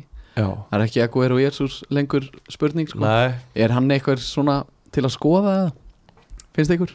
Nei, Nei Það er reynskilin sko, hann er á 8.5 Já hann er ekki að fara að spila alla leiki Nei, ég menna Nei. hann var ekki einu sinni að spila með frammerja lengi Nei. fyrir að Ok. Nei, Hann var náttúrulega með Gundogan hérna á tímabili Svo var hann með Maris hérna á tímabili það ekki Og þú veist, Sterling getur verið hérna Og Bernardo getur verið hérna Ok En Hann ég er líka Þannig að- búin að segja að Grílis geti spilað upp á topp Já, en hurðin mín Gagart honum er opnari núna enn í fyrra sko Hann er ódýrari og með minni samkeppni Mhm. Þannig að, Þetta er allavega, þú veist Það er alveg áhugavert að horfa á þetta já, sko, Skoða hann klárt Hvað kostar hann? 8.5 Já, okay. Herru, ok, mannjú um, brúlðrum, vörnin þeirra er kannski ekki áreðanleg eða hvað, er Jú, er, jú. Luke Shaw Já, eða, þú veist, er það? Ég- Já, já, Luke ég- Shaw. Ég er með hann Og Það er 53% eignarald eða ekki Af 50 og eitthvað hverju prósent ekki að taka frekar Van Bissaka sem að var með fleiri stíði fyrra, 20 stíði og meira er Eru allt ekki, svo, eru ekki svolítið blindir á það að Luke Sjó var ódýrar en Van Bissaka í fyrra og nú eru þeir jafndýrir Nei, hann var með, alltaf með betri tölfræði og við erum bara að sjá þess að því líku upprísun hjá honum að hann átti geggjað Evrópumót þú veist, það er bara einhvern veginn hann lítur svo vel út ég, og þú veist, Vambi Sakka er bara mjög varnastinn að leikmaði með að við sjó sjó er líka með aukarspinnur hann er að dæla þeim á hausin á Maguire hana, þú veist, við erum að fara að sjá nokkur mörg Mm. að sjó að gefa fyrir og Maguire stangar hann inn í vetur Sko Það fyrir ekki þá að Shaw vera með, sorry Nei, sorry, á, á færri mínútum Þá var Shaw með sko 56 Bara chances created Á móti Trento með 54 í fyrra Já, Ah, ok Þannig að hann, og hann spilaði 400 færri mínútum Já, og hann er með jafnmörg assist og Van Bissaka og, og hérna spilar talsvert færri leiki en sko, af hverju ekki þá að vera bara með Maguire ef að sjóður að fara að leggja upp svona mörg mörg á Maguire Dýrari? Nei, jafndýrir Nei, fyrir ok, jafndýri, bara ég held bara að sjó skilir betur Já þú veist, fleiri assist telja með, eða, þú veist, Saman fleiri því. assist heldur en mörkin að smaka en á að vinna upp sko. Bara eins og þú sagðir á hann Hún er fyrstum leikadurinn á hotnum og Já. veist, Hann er að fara að leggja upp og, En svo kemur Varan inn í liðið Ú, Ef að Maguire og hann tengja Þá getur þetta verið einn sterkasta vörnin í deildinni Já, já, ég var bara að gleyma Hann hann, er- hann, hann er ekki í leiknum Þannig að Luke Shaw er miklu betri kostu núna heldur en hún síðast tímbili já, mjög Tel góð ég. punktur hann já, já. Af hverju var hann ekki komin inn í liðið? hann er ekki búin að skrifa undir Nei, Mm, var hann ekki í ykkur svona uh, sóttvarnarvesinni og Já, ok, alltaf hann kosti ekki potið 5-5 þegar hann kemur inn Jó, jú, myndi öruglega bara halda saman þeir Eða hvað, 5.0 kannski, hann er ekki þekktu fyrir að skora Herru, ég veit ekki, uh, Bruno Fernandes 12.0, er þetta ekki bara er þetta ekki bara flottu strákur að standa sér vel í lífinu? eða? Ég held að þetta sé bara fair price fyrir hann sko. þetta er þokkalegu leikmaður sko M- ég meina manni var alveg með fínt prógram í byrjun já, þetta er nú einn stærsta spurningin sem hefur verið að velta fyrir sér allavega á Twitter og svona sko Bruno, já eða nei er ekki þægilegt þegar að De Bruyne er mittur að taka bara Bruno og Sala Jú, Jú. þegar Kane er heldur ekki Svona, hann er semi ekki option hjá mjög mörgum núna nei, nei. Nei. meðan að- að það er svona mikið lóðis að hann er að Jú, þetta er frekar þægilegt fyrir mér Ég held ég hafi hann og Sala Hann að tvo kongana saman Svo erum við, með, við erum líka með ódýrara kost eins og Greenwood á 7,5 Hann hefur verið að spila frammi á prísísson Skoraði síðast æfingarleik Já, Þú veist, Hann er líka möguleiki Svo erum við Sancho á 9,5 eða ekki Þú veist, Við erum með ódýrari kosti þarna á miðinni en, en Bruno er náttúrulega Það er ástæði fyrir að hann er á 12,0 Hann er besti kosturinn Já, ég held að, ég held að ég, ég með Sancho er svona skoraði fyrst og talaði svo við mig uh, Jú, ég veit ekki Greenwood, sammálaðið þessu með Greenwood Mér finnst það mjög góðu kostur í byrjun tíumfils af því að Rashford er ekki með Já, Þannig að það er- Rashford fór, fór í aðgerð og er Já. frá Já, Þannig að Greenwood- einhver líkurnar hans á spilatíma um bara mjög Þannig að Greenwood er líka bara svo mikill markaskorur hann er svo Já. ógeðslega góður að slúta og Mm. maður bara stendur þetta stundum og bara býður eftir bara hvenar á þessi gæi virkilega að fá tækifærið Já. hvað þarf hann að vera geðveikur hvað þarf hann að sko, st- hvað er hann komið 17 áttum mörk eða eitthvað Í- hann er með 17 mörk í ennskólustöldinni hvað er þetta 0-1 mótel 0-0 mótel uh, Já, nú leitt eða ekki Nú, jú Já, held það. það er mjög hann er allavega bara mjög ungur já, 0-1 mótel, hann er tvítugur á þessu hann er ekki orðin tvítugur þessi gæi Mm. og hann er með 17 flott slúttmörk í ennskólustöldinni Og og maður taka hann frekar en Diogo Jota Leifbúl Það er mitt Jafn dýrir það er alveg erfitt Já, það er val fyrir Þetta er alveg, já, ákvörðun, sko. já. og Cavani, Cavani kom seint til móts við liðið hefur ekki mikið eft með þeim þannig að það gerir leið hans greiðari En inn í Martial? liðið. Martial spilaði hálfa, eh, hérna, einn hálfleik síðasta æfingarleik ég Já. held að Greenwood sé bara komin á undan honum í rauðina sko.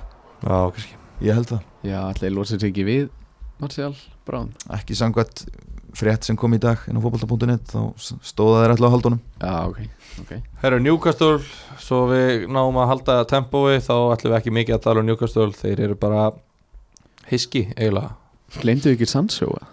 Nei, Já, við við nefndum tökum- hana aðeins já, það var ok. eitthvað, ertu heitu fyrir honum eða? Mm, nei, hann er enda bara að býða og sjá sko Já, Maður verður eiginlega bara Já.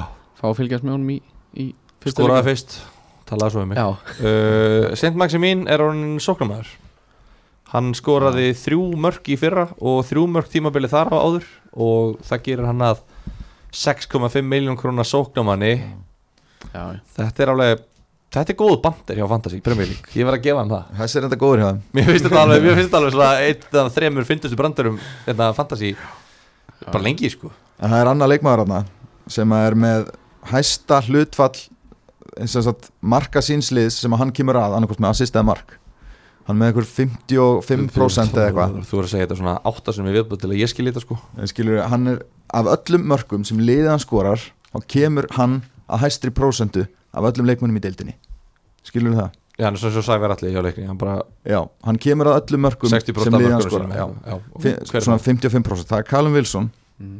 Já, og í, í hérna á síðustu tímabölum hefur hann byrjað mjög stert oft hann er leikmaður sem ég er að skoða að byrja með Hann hefur þetta byrjað oft stert uh, Gæðir það, þeir eiga gott prógram Ég gæðir það 134 stig á síðasta tímabili á 7,5 miljónir Þú getur farið í 60 stig aukala á síðasta tímabili fyrir 1 miljón Nei, fyrir halva miljón Mhm, Bamford var með 60 stig meira og hann kostar halva miljón meira Danny Ings er þarna svo er núna líka Saint Maximin er heill, það er ekki alltaf og þeir eru konum með Joe Willock líka þeir eru konum Er þið konum? Varst ekki að segja að það væri bara Já, hann, Jú, Jú, hann er en að skrifa undir Já, allt ok, sem- þeir eru að fá hann Þeir allt verða sem konum bendir til þess Já, sko. ok Já, Þannig að- Villok var náttúrulega sjúkur eh, fyrir þá hérna síðast sko þannig að mér finnst hann líta ágætlega út sko. Ok, en ég veit Já. að það eru margi kostir þú veist, hann er bara einn af þeim já, já Herru, Newcastle bara púki já eða nei Norvich Já Ætlar einhver að prófa hann? Ég ætla að býða að sjá Ég er líka bara þegar ég að s- er ég að sjá prógramið hann programmið er ógæslegt hjá hann Ég Liverpool var að City, opna það. Leicester, Arsenal Það er Já, mjög góð prógram þetta- eftir fyrstu nokkar leikina Já, en það verður ekkert part í í byrjun, hvorki á púki né Happy Gilmore eða neitt Það Ég verður mæti ekkert allavega, mæti allavega seint í það Já, þú verður sko. seint. það sem hún gæti gert þarna væri til dæmis að taka Ings inn gegn Watford, Newcastle og Brentford og svo eiga þeir Chelsea, Everton, United, Tottenham Já, getur skipt þarna og yfir í þú púki dangreitar í púki Já, og búið til pening fyrir miðjuna eða, Emitt eða vörnina mögulega Það væri til dæmis til dæmis skemmtilegt Er einhver hérna í Norvits eða, eða þessum liðum að taka ekki síma núna, er einhver fjögurra miljón krona varnamæður sem að, á að spila fyrir Dan Simikas Já, já um, Ég bara treysti mig valli að segja nafnið hans Hann er í Norvits Hann heitir Andrew Obama með Dele Já. hann kostar 4.0 og ætti að spila allavega í byrjun Omobamidele já. Já, og svo erum við með eins og þú nefndir, hann er framhjólipi Happy Gilmore á miðinni, já, hérna Billy Little Gilmore, frá, hann er lánsmaður frá Chelsea hann er þetta góður Ég dæmdi í honum einu sinni, fun fact já, Segðu Uh, okkur meira Nei, ætla ekki að gera það. 4,5 miljonir já hræjótir Já, já, hann er fýtt maður uh, En já, ég held að Norröld sé bara lið sem að við getum alveg sleft Og í rauninni sátt hann þá líka eftir að Eftir að Danny Kings er farin yfir Það er ekki mikið þetta sem Já. er að kýtla mig til að skoða það betur Nei, Nei, það- samanlagt kannski með að tekja Forster 4,5, hann er búin að hekki í verði margmaðurinn, knái Er hann að fara að spila að það makkartí? Það er 0, Veit það einhver, það er eða? 0 til 1 stig Nei, byrju, sagður Sándon Já. Sorry, ég held að vera ennþá í Norwich Eh, Ég er bara að segja, þú veist, Nei. með sáttandum það, það er ekki þetta sem er að heilla mig Nei. ekki tekja Forster þetta var grín Sleppu, já, við sleppum þessu Já. uh, Ok, þá eru næsta lið, Tottenham Kane á 12,5 Ég reiknum með að við séum allir að bara býða með því að sjá hvort hann sé bara í andlegu Mm. mm. jafnbæði til þess að fara að spila með Tottenham núna eftir fjóra daga Já, ég menna, er hann að fara Þú veist, neitar hann kannski að spila Maður veit ekki um það, sko Já, Hann er bara svo professional og hann, svo, og hann er of vel gefin í það held ég. Já, af hverju var hann þá að sleppa því að æfa hana? Hann gerði það ekki, Já, ég meina, menn geta sagt ímislegt hann er ekki að ljúga Þau- Svona gæði lígur ekki, hann er mjög heiðalegur Af hverju var hann þá í öllum fjölumilum hann væri ekki að æfa? Bara fjölumilla að ljúga Nei, hann Hefur hitt fólk sem fyrir fjölumilla?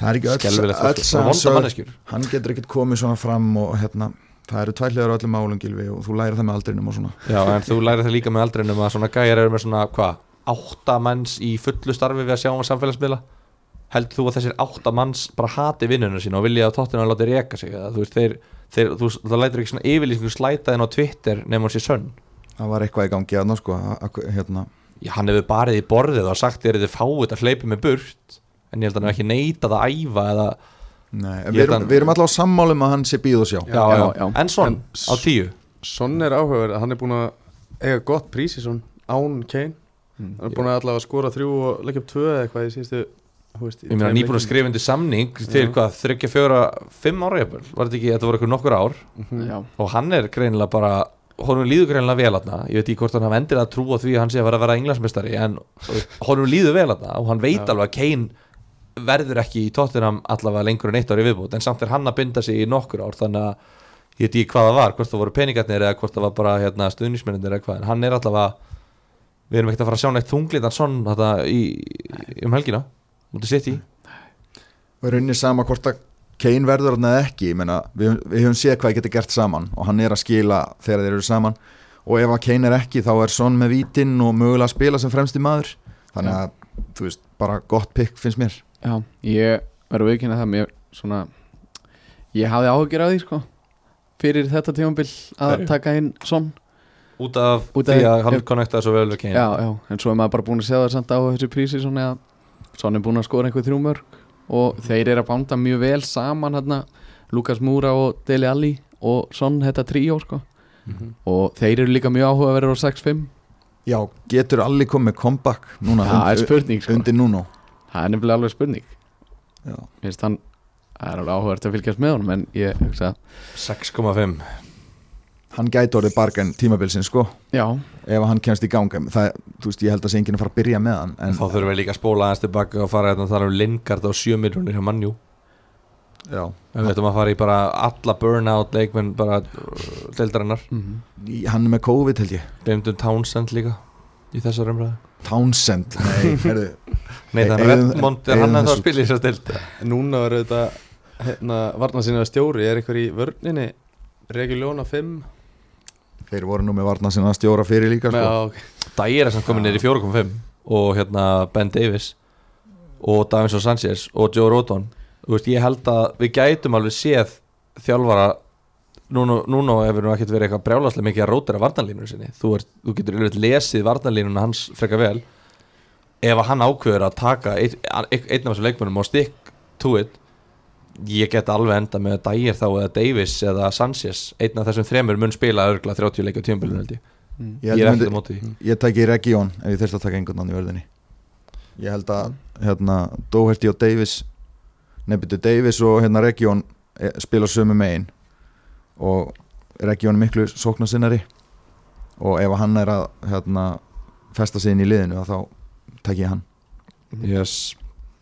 þá erum við komin í The W þrjú tvöfald vafflið eftir ég hef ekkert take á Watford Nei sama hér sama hér Já, en sama hérna, já, þeir eru með svakalega breiðan hóp Það veit ég það Já, framherjarnir hefði, já, reyndar Jú, erum framherjar við með bara allstaðar það er bara alla stöður Þeir eru með bara, ég hef aldrei séð svona marga menn í, Ég- Já, ok, ég held alltaf að séum átta framherjarskráða Já, þeir eru með átta það er samt alveg gaman að sjá Troy Deeney á 5,5 þú veist, hann er alveg búinn að skora hérna skora einhver tíu mörk í, í fjórum tímabilum að 5 eða þar í kring uh, þannig að hann á 5,5 náttúrulega hlýtur að taka vítin geti verið skemmtilegt sko og Joshua King líka hefur alveg farið tvisar yfir tíu mörkin og hann er líka á 5,5 þannig að ef við erum að tala hérna um uh, hérna, Tony í Brentford á 6,5 Pukki á 6 þá getum við nú alveg spætt þessum allavega King og Dini á 5,5 inn í umræðina Já, kannski King frekar, ekki Dini var hann bara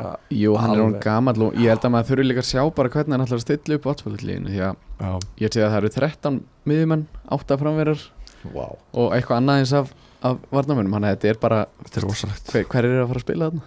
Nákvæmlega. einn annar sem heitir Success Já, Isaac Success Gæti verið Success hann geti verið success Álger ekki lengi að koma sér inn í fattabræða húmorinn Jarveru Arons Já, takk Það fyrir var að- Já, með, þú ert eiginlega uh, Þú ert að coverun heldur vel Er Það ekki Hóta hérna þrefald, hérna trippulkaftininn og Sala og koma með eitthvað svona uh, En Vestham uh, Það var náttúrulega svona, það voru gullmólar Þar að leynast uh, Í liðinu í fyrra Þeir eru ekki kannski gullmólar lengur Súsek komin upp í 6 miljónir Kúfal komin upp í 5, Kressvöli 5,5 Hann var þetta 5,5 í fyrra líka held ég Nei, hann opnaði 5 í fyrra uh, Er þetta ekki bara orðið frekar rétt uh, valjúað vestamlið?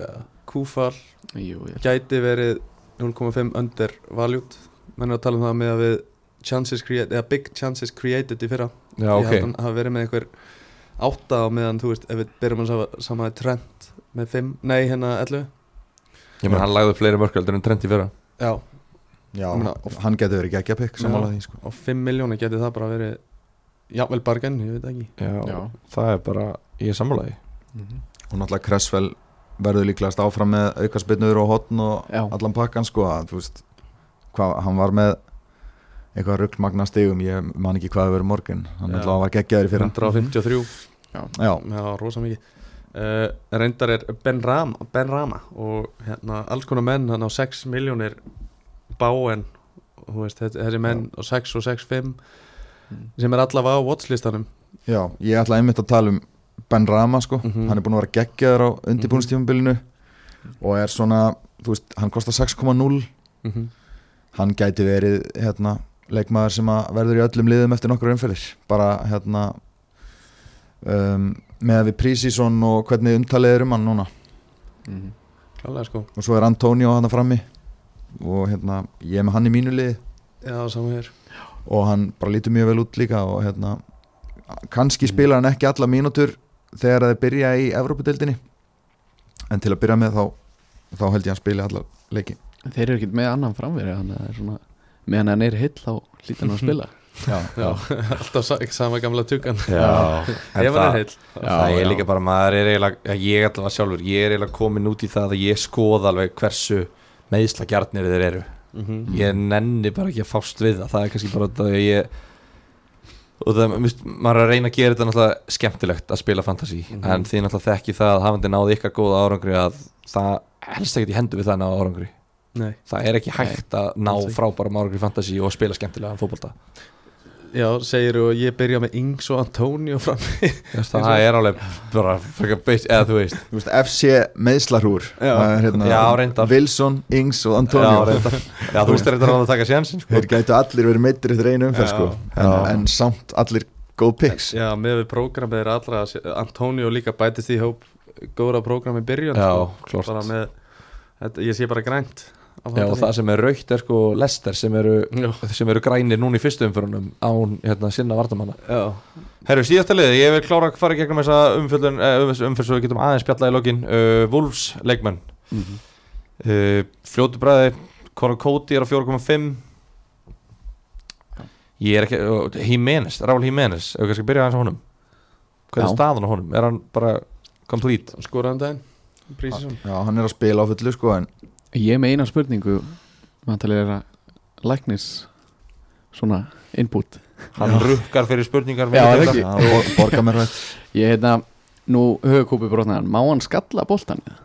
Sko, ég held að hann þurfa að vera með einhvern hjálm eða eitthvað sko Já, hann verður alltaf með hjálm Já, þá hérna, ég held að hann megi skallan já En það það er er bara að- spurning Það eru dæmi um framherra sem að spila með hjálm og skalla alveg boltan eftir Já, já. svipi meðsli Ég bara hugsa sko að því að nú var það fyrir eitthvað stór partur af hans leik Og er bara stór Ó. partur af leik Einmitt. framverið Þannig Já. að hann er svona spurning með, það, með þann part Mhm. Bara hann að velta yfir mér sko. Það er líka alveg spurning hvernig þetta fer í hausin og mönnum skilur er hann að fara að fórna sér jafn mikið í alla skallabolt á hann gerði Já, einmitt Einmitt. og hefur hann líka bara þú veist, sömu skallafærnina með þetta á hausnum sko. Þú Já. veist, já, það þetta er- verður spennand að sjá hvernig Já, það verður. ég er eiginlega hættu Ég Svona- mér finnst hann ekki spennandi lengur eftir þetta Frábæra teik Höfukúpi Vel gert, vel gert Já, já maður eiginlega heldur þess að bara algjörlega með honum og vonar að maður taka hann inn einhvern tíman á sísónu og vonandi stendur það sér bara vel Klálega Já, já 100% uh, það er annars ekkert, þú veist, ég held að bara, við erum hérna með Adama Traore og 6.0 hann, hann gerði bara ekki raskat í fyrra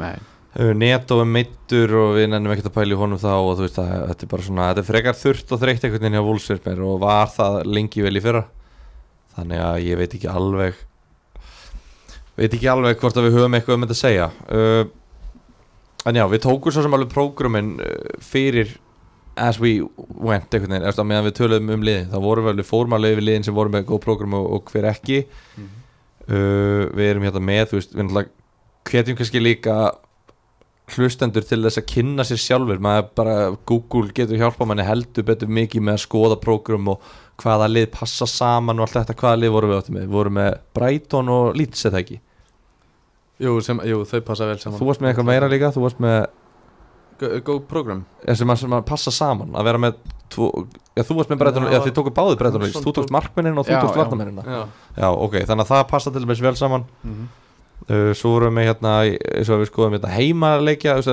ef maður er mikið að pæla í heimaleikjum þá vorum við með hérna, þú veist, Arsenal og Tottenham sínum þau vera að klikka með heimaleiki Aston Villa og Chelsea uh, Man United og Man City já, þannig að þetta er svona já, það er hægt að ko- skoða bara endalust af þessu af þessu dæmi, Aston Villa og Wolves svo þetta er líka mikið eins og maður segir fi- þessi fixture swing sem maður þarf að huga Já. nefndum þetta áðan að uh, hafa yngs í fyrstu umferðinum og skipta síðan yfir var það uh, Já. á- hver var aftur sem að gæti komið inn þar Pukki voru að tala um hann að því að hann er á 6 þá er þetta það er einu og hálfu á milli sko. þetta þannig að þetta er svona spurning bara hverju þú ætlar að byrja með og, og, og kannski setja upp svona smá plan svona fjóra og fimm umferði fram í tíman eða ég gerði það allavega já, setja upp svona þú veist, þessum geti ég mögulega skipt sko ef ég lendi ekki í neinu meðslum og svona já, já. þá get ég mögulega skipt þessum út eftir tvær nota hérna tvær skiptingar eftir þetta og eitthvað svona ég allavega hugsa mikið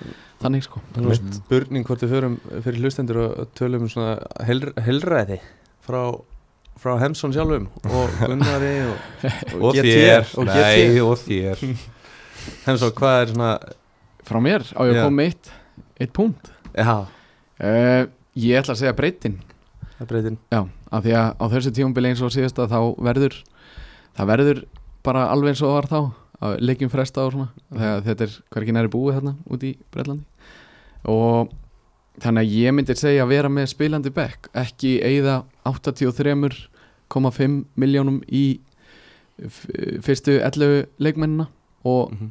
það er sér að og þá getur upp tekið bara ódýristu á bekkin ekki fyll upp í liðið og svo bara svona koma með drasl á Nei, bekkin einmitt. sko Þegar ég held að við þurfum alltaf að nota nota bekkin svolítið á þessu tíma hversu mikið peninga maður er að höra að setja í bekkin er maður ekki allavega með ein, fjóra millar króna varnamann aftast að bekk svona svona gæti verið tæpur á að Ég eitti 80 miljónum í, í liðið, Já, 11 ok. leikmenn og 20 í bekkin Ódýrasta sem hún kennst upp með er 16,5 á bekkin En Hvað er, ef þú telur bara upp hvað menninni kostar svo út með á bekknum uh, Ég er með Eh, Ef eins ekki að og fara bara yfir liðin okkar Já, ég var að fara yfir eða liðin ykkar, ég var alveg til að fá liðin ykkar Eh, uh, Já, já, er, ef, ef, ef, Tökum maður í lokin já, Er það? Ú, Eða hvað? Halda hlustendum hérna. vinna Já, Þetta halda þeim heitum Já, við ætlum að halda ykkur Þið farið ekki fet á minni vakt Lofa ykkur og þeir sem eru að hlusta ennþá núna eru frekar heitir Munu lók Já, reyndar En bara svona, kannski, þú veist, eins, og- við vorum að tala um þetta Hilrað og eitthvað svona, þú veist, eru þið komni með plan yfir chipin ykkar eða eru við bara með, er bara átó og við pælum í því setna þegar að Double Game Weeks kom inn og allt þetta eru þið komni með velkart plan fyrir fyrra velkartið ykkar, sjáuð þið ykkur fixusvinga mörgum leiðum eða ætlið að pæli í þessu setna eða hvernig Ég set alltaf upp liðið bara og, og trúa að það duja allavega í einhverjum umferðir og, og auðvitað er mjög þægilegt að hafa valkartið til að baka mann upp og það er einmitt, sko, eins og ég gerði þetta, gert þetta þá er landsleika eftir þrjára umferðir núna allavega á þessu sísóni Já. og maður er svolítið að horfa ef allt fer í volið sko. þá, þá er gott að vita af því af því að ég hef alltaf nýtt mér líka valkartið í að leikmenn eru mjög mikið að hækka og lækka svona í byrjun og svo í fyrra tók ég valkartið í þriðju umferð og þá var ég að leika mér að því að taka inn leikmenn sem voru að fara að hækka og losa mig við leikmenn sem voru að fara að lækka og landleikið það Mm. Já, já, var mjög ga- þú kassaðir inn á því já, ég kassaði vel inn á því, ég hækkaði tímvaljum mitt upp í, þú veist e, e, upp um 1,5-2 miljónir bara í Já, ok allavega 1,5 Shit Mhm. um, en ég er ekki með plan að gera það sko Nei, endilega, nei, fara það- það leið með þetta það er, það er eitthvað rámt við það að plana áður en sísoni byrjar hvernig maður ætlar að nota vælkarti sko. Já. það, það er ekki alveg þú veist, maður er ofta að nota til þess að redda sér þegar maður er komin í eitthvað vesen sko. Um, mikið að meðslum eða, Mm. eða eitthvað svo leis Já, bara ef þú getur beðið með það þá bara býður með það En það er náttúrulega margir sem að Alklálega. sem að gera það, sem er að plana þetta og bara, já, ég stefna á að nota velkartum mitt í áttundum fyrir út að þá er rosa fixusving eða ég stefna á að nota í fjórðu allavega þessi sem að maður er að fylgjast með á netinu það eru Já. margir sem er að, eru með eitthvað svona plan einhvern tíma fyrir, fyrir sísónu líka Já, já, já, ok allavega, þú veist, myndi ég ekki stefna og nota það eftir þú veist, þrjár fjórar umferðum ég veist, Nei. það, það, það finnst mér ekki góð strategía sko. Nei, nei, nei uh, en já, það kannski er ekkert, ekkert eftir neinu þannig séð að býða held ég að fara yfir, yfir liðin já. sko, ég ætla bara að vera hreinskilin með hlustendur ég er bara ekki ég, ég, sko, ég er búin að þjást svo mikið síðustliðin ár ég er búin að vera í þessu í ykkur 11 eða 12 ár og þetta er alltaf þannig að maður setur upp lið og svo, nei, ég ætla að skipta þessum nei, ég ætla að skipta þessum og ég, ég enda með svona 13 lið og ég, ég vel aldrei besta liðið á endanum það er alltaf hinn 12 liðin er eitthvað eða kannski svona 8 af hinnum 12 liðunum hefðu verið betra val og ég enda alltaf að fara inn í aðraðanferð með lítið sjálfstöðst út að ég er svona, ó ég hafði átt að velja þennan núna, ég ætla að reyna að skrifa ekkert niður á blað, ég ætla bara að kynna mér þetta, skoða, fikta aðeins og svo bara reyna að velja lið sem að ég ætla svolítið bara svona að skilja ég hvað ég meina, já. þannig að ég er bara ekki tilbúið með lið hlustundum mun ekki fá neitt hjá mér en miðstæða bræðarum þeir munu hins vegar fá, fá á föstudaginn, nei að fimmtudaginn þá munu þeir fá uh, heldur betur Glæning frá Getty Já, nánari upplýsingar, ég viðkynni það já, Patreons Patreons, Nei, já. þannig að þeir sem eru núna brjálæður Hen- Hentu bara í autofill já, Notaðu það já, ég fyrir átt Nei, ég skildi vel að hafa be- beðið með að gera lið þangað til að vera búin að heyra í okkur aðeins og hérna Já, taka ég stöðuna. meina, þið eru allir með betra trakkrekordöldur en ég Ég hlakka eins og til að fá hérna Hemsson og Ásgeir inn í eh, inn í myrku hliðina af því að vera umölugur fantasíleikmaður allt í einu bara því að tala fyrir framann einhvern mæk í smástund sko, fyndi hvað það hefur mikil áhrif á mann um, Já. Þú ert alltaf að draga mig niður, mér finnst ég ekki það að vera svona lélugur og Þú síðast varst skilvilegur að síðast Þú varst skilvilegur top 10 á Íslandi sko Og náði top 100 kafaði ekki Jú, ég var í Já. 25.000 í heiminum og ég Nákvæmlega var eitthvað, ég man ekki, fimm- 40-50 á Íslandi eða eitthvað, ég man það ekki Það er ekkert eðla gott sko. Það er bara ekki nóg, við viljum fá meira en ef ég spyr bara hver, hver, hvert er markmið ykkar? Hvað er það? 100k til að líða vel með sjálf mig uh, 100k 10k væri styrlað Top 10.000 er svona markmið en uh, þú veist, markmið er alltaf nummer eitt, skilur en top 10.000 þá er Já. ég sáttur Já, Já, sama, eh, sama hér Ég top 10 top 10 í heiminum eins og þú Nei Top 10k uh, Ég get, ég- svona maður vill alltaf setja markið Herra en síðast Ég var Já, já. í Gera 450 betur overall en síðast Já, Í fyrra. já, Þannig að ég svona ætla að vera Bjarsín en raunsær Mhm. setja top 10k en top 100k er í alvörni þá ert alveg frekar established og bara mjög góður á- árangur að vera í top 100k Mér finnst top Já. 100k eins og að taka 80 kg í backpressu Já. og mér finnst top 10k eins og að taka 100 kg í backpressu já, Já. ég, ég mér tek, finnst, mér finnst það Já, Þú ert alveg Mjög. sterkur ef þú tekur 100 kg í back það er ekkert, þú veist, þá ert alveg svona, já ok, þú veist, þessi gæi er alveg að lifta reglulega þú veist Mhm, en 80 kall þá er það bara svona já, ok, þú veist það er bara fínskil þú ert ekki aumingi en það er bara eitthvað í 60 kílóm þá, þá ertu aldrei í ræktinni greinlega, eða þú veist, þá ertu aldrei að gera þetta það er ekkert eitthvað maður, það er engin eitthvað labbandi nót í bónus að segja fólki frá 60 kílóm sem það reyfi upp fatti, mhm. Einmitt. ég er ekki búin að segja í hvað sæti ég lendi í fyrra út að ég ætla ekki að gera það út af því að ég var aðeins undir 80 kílóm sko. Já. held ég, Já, já. mér minni það Þetta fer í kvótbókina þína sem kemur út tímann. alveg næsta árum ég mun ekki geta kóðbók, en ok, uh, liðin En Hensson, markmið, já, já, sagður það? Ég er bara að komast óhærin í fyrra ég... Vá. Já, top fjóri, komast á fjórir. pall, top þrýr Er það ekki alltaf markmið hjá manni? já ok, komast á Nei, pall þetta- í Já. heiminum og bara hans búin að horfa Já, mikið á rosalegt. olimpíuleikana það er bara nóg að lenda í verðlunarsæti það er sem það er stefna á Nei, ég myndi segja já, top 10 K Það er svona Herrar, ok, ok. uh, förum bara hringin Gunni, doktor Já, hérna bara hratt Sko, þessi, þessi yfirferð hjá okkur var mjög ítaleg og góð, myndi ég segja já, takk Og fyrir það, það er- takk fyrir það, sömulegis Já, hún var takk. frábær hjá þér, Takk fyrir. þínu punkt að vera bestir Thank you eh, hérna, Það voru allir nefndir sem að ég er eitthvað að pæli uh, og þeir geti allir dottið inn og út en liðið eins og það er núna þá er ég með Sanchez í markinu hjá Brighton 4,5 markmaðurinn og svo er ég með bara varamarkmannin Stíl á bekknum um, svo er ég með Luke Shaw uh, Alexander Arnold og Timmy Gass þeir byrja fyrir mig Ben White er á bekknum og svo hana Norvits varnamaðurinn Omo Bami Dele og miðan er Sala, Bruno, Mares uh, Rafinha og Gilmour og Antonio Wilson Tony eins og er frammi byrju, aftur, miðjan er Sala Sala, Bruno, já, Rafinha, já, Mares já og Billy Gilmour Gilmór á bekknum eða Já. Já, já og frammi Tony og það er Antonio Ivan, Ivan Tony Já. hjá Brentford Já. og Callum Wilson já, ok, Hemsson Uh, Kasper Smækul og, og Stansvits eins og ég nefndi hann já, uh, Ég er með Trent, Kúfal, Díni og Sjó í vörninni ætla að vera með fjóra varnamenn Svo er ég með Ben White á bekknum uh, Ég er með Sala, Kai Havertz Greenwood á miðinni og Rafinha er á bekknum og Bitsuma Svo er ég með Ihenatsjó, hérna, Ings og Antonio frammi þú með ég næstum Ok. Já. Mér mér finnst það mjög skemmtilegt, við erum ekki með neitt rosalega líklið Nei, nei, þetta er eiginlega bara allt, Alls allt ekki. annað sko. Þetta er mjög skemmt, skemmtilegt Já. þú ert ekki með Sala og Bruno báða er það, Nei, nei, þú steppi Bruno já Já, ok. já, já. Ég ætlaði að taka sensin á að Greenwood átskora hann. Já, tjóðilega er það fínt maður Herri, Herra, Ásgeir. Ég tek eitthvað svona blöndu að báðu Ég er með hérna Sanchez í markinu Ég er með Foster sem varamarmann Já, um, hvað er, er hann í Votford eða? Já, bara fjórar miljonir Er hann ekki örgla á bekknum á Wofford? Ja.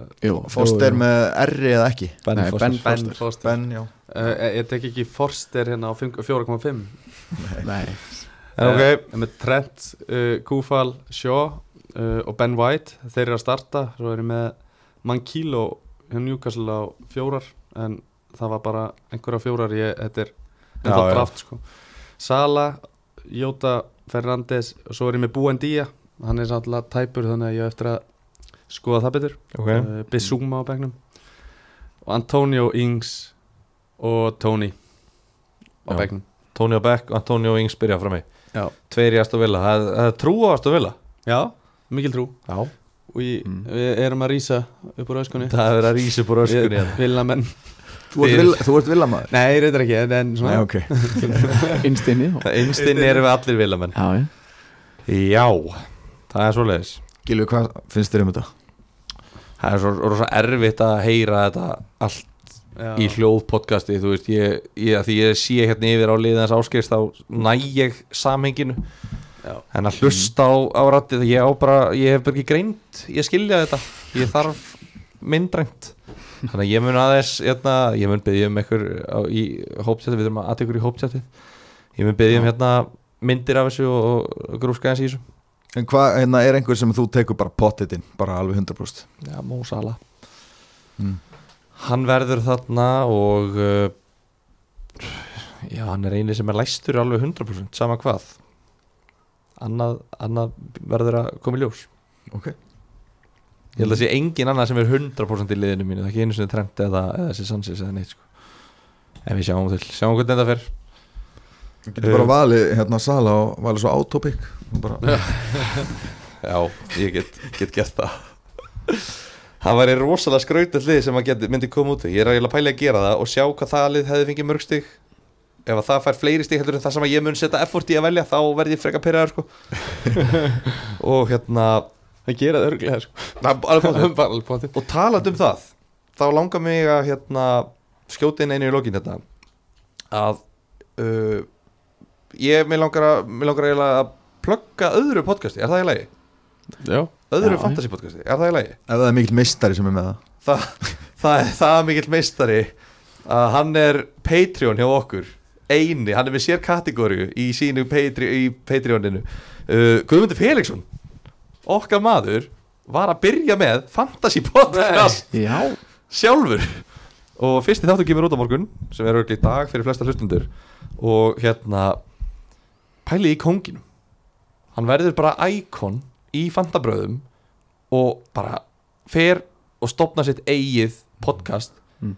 sko þetta heitir lélega fantasy podcastið Já út af því að þeir eru allir skelvilegir í fantasy og ég ætla bara að, svolítið, að vera sammála þeim með það Já að þeir eru alveg skelfilegir og hérna vita rosalega lítið hvað er að tala um uh, ég hlustaði á fyrstu tíu mínúturnar áður en að hljóðfællin bilaði eitthvað hjá mér en, en hérna, ég hlustaði á fyrstu tíu mínúturnar og það bara það er ekkert að gerast þarna sko, ekki neitt en þetta var ógeðsla fyndið og ég mæla ógeðsla mikið með að hlusta á þetta út að þetta var alveg ógeðsla, þetta er alveg ógeðsla fyndið gæja fyrst mér, þannig að hérna Já, er það ekki all konseptið í þessu? Það er, þú veist, að vera fyndin og hérna, skemmtilegur og, en kannski minni áhersla á djúpa fantasy-þekkingu ég er, veit það ekki sko Er það rétt skilja hjá mér? ég veit ekki hvort podcasti við erum sko. ég veit ekki hvort að við séum Ég ætla ekki- skemmtilegir eða gáðaðir sko.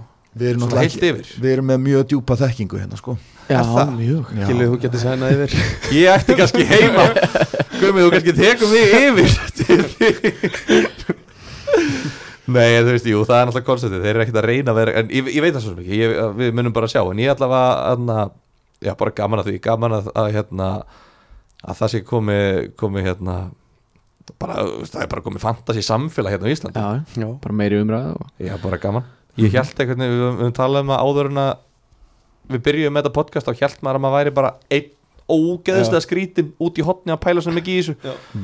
maður var bara, ó, ég ætla ekki einu svona að segja sko, besta vini mínum hvað ég hugsa mikið út í þetta þetta er svo kjánalegt sko svo er bara þúsundir manna bara í Nei, nei. nákvæmlega og einhverja konur líka náttúrulega færri en það er einhverja konur líka sem eru alveg bara sveittar á efrivörunni að skoða hvort þeir eru að taka hérna kúfal eða hérna Maður er sokkinn okkur djúpt sko bara f- Nánast farin að mæla bara handakrikan og mönnum og bara já, 1 cm lengri heldur en þessi Já, og, djóks. og skoði eitthvað expected eitthvað þú veist ándöks Já. Expected, bara eitthvað að kjæfta meira að segja sko var hérna Reykjavík síðdeis var að reyna að ná tali á einhverjum okkar að fara yfir hérna að fara yfir bara fantasy bara, bara af hverju er þetta þing og bara getið þið útskýrt fyrir okkur sem hlustum á Reykjavík síðdeis aðeins hvað er ég er að baka við sko þá er þetta alveg stórt ég þetta er orðið stórt þá sko það er svona ný, ný, ný kynslu að marka upp þar væntala mm. Hver eru stigastri ár?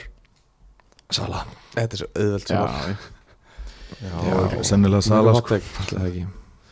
En hérna, f- svona fyrir Aron í lokin þá hérna, eru allir leikindi síndir á Simon Sport uh, í fyrstu umferð leikjaplanið lítur bara ágætla út við erum að tala um föstudags kvöldleik svo erum við með uh, Manju Líts í hádeginu nokkri leiki klukkan 2, Norvis Leopold setnipartin og svo sunnudagurinn, þá fáum við Tottenham og City Mm. þannig að ég veit að hann vill að við förum vel yfir leikjaplanið þótt að hann er mikill áhuga maður um, um leikjadagskrá og Það er skipulag deadline á föstu daginn, allir að muna það Já, föstudaginn klukkan 17.30 Ekki brenna inni með það Mhm. ekki klukkan 6, þetta er ekki klukkutíma fyrir þetta er ennþá einum og hálfum tíma fyrir en það voru alltaf einhverjir sem að fengu ekki memóið í fyrra og voru með liðið sitt stundum tilbúið Já. bara klukkutíma fyrir og það er Já. ekki nóg Mér finnst að menna þetta miðaði 50 daginn Það gerist alltaf eitthvað að festi, fer í vinnuna og eitthvað og gleymir þessu svo alltaf Nákvæmlega, Ég, vera, það, það er bara sísonin í mann, maður hefur spilað þetta í fjölda ára Það komu sísonin á milli, það sem maður bara glemdi dellan eitt Það er bara gjössalega eðilega umfyrirna Einmitt. Nei, hérna allt sísonið nákvæmlega Þannig að þetta getur verið þetta getur brotið í mann hjörtun en allavega, uh, við erum á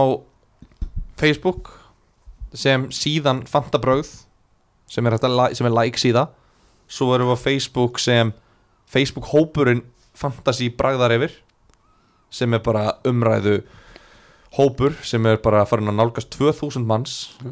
sem er alveg, alveg hérna já, bara uh, ágætlega mikið og við erum með fantasy deild líka Já, og þar inni einmitt í hópnum hveti fólk til þess að fara í deildin okkar eða fá kóðana deildin okkar, fantabröðu þeitir hún og, hérna, og það er, er, er hérna, eitthvað að fólki komið í þá deild nú þegar að endilega bara joini þessa, þessa deild og, og hérna uh, sem er bara stöð og fjör svo erum við á Instagram líka, þar postum við alltaf uh, ef að fólk vil vera með spurningar og svona uh, ég, við erum ekki það, ég er að gleyma að við erum, sérðu, við erum með Nei. sko okay. Við erum með svona 50 spurningar frá laustendum Eh, Tjekka hvort um- sé Ég eitthvað sem við postaði erum þess á bætt. Instagramið í dag og ég glimti af að tjekka á því Það er, við getum ekki farið aftur inn í Ég bara, ef það er eitthvað sem við fórum ekki yfir eða Eh, svo mikið eða. um, Þetta er svona, ég veit það ekki Eh, ég ætla að segja bara kóðan á deildinu með þér skoða þetta Já, þú er Það að er- segja hann upp, þú ert svo Já. gamall Þú ert svo ótrúlega gamall Heyrðu, það er alveg fólk sem nennir ekki inn í grúpun og skoða þetta sko.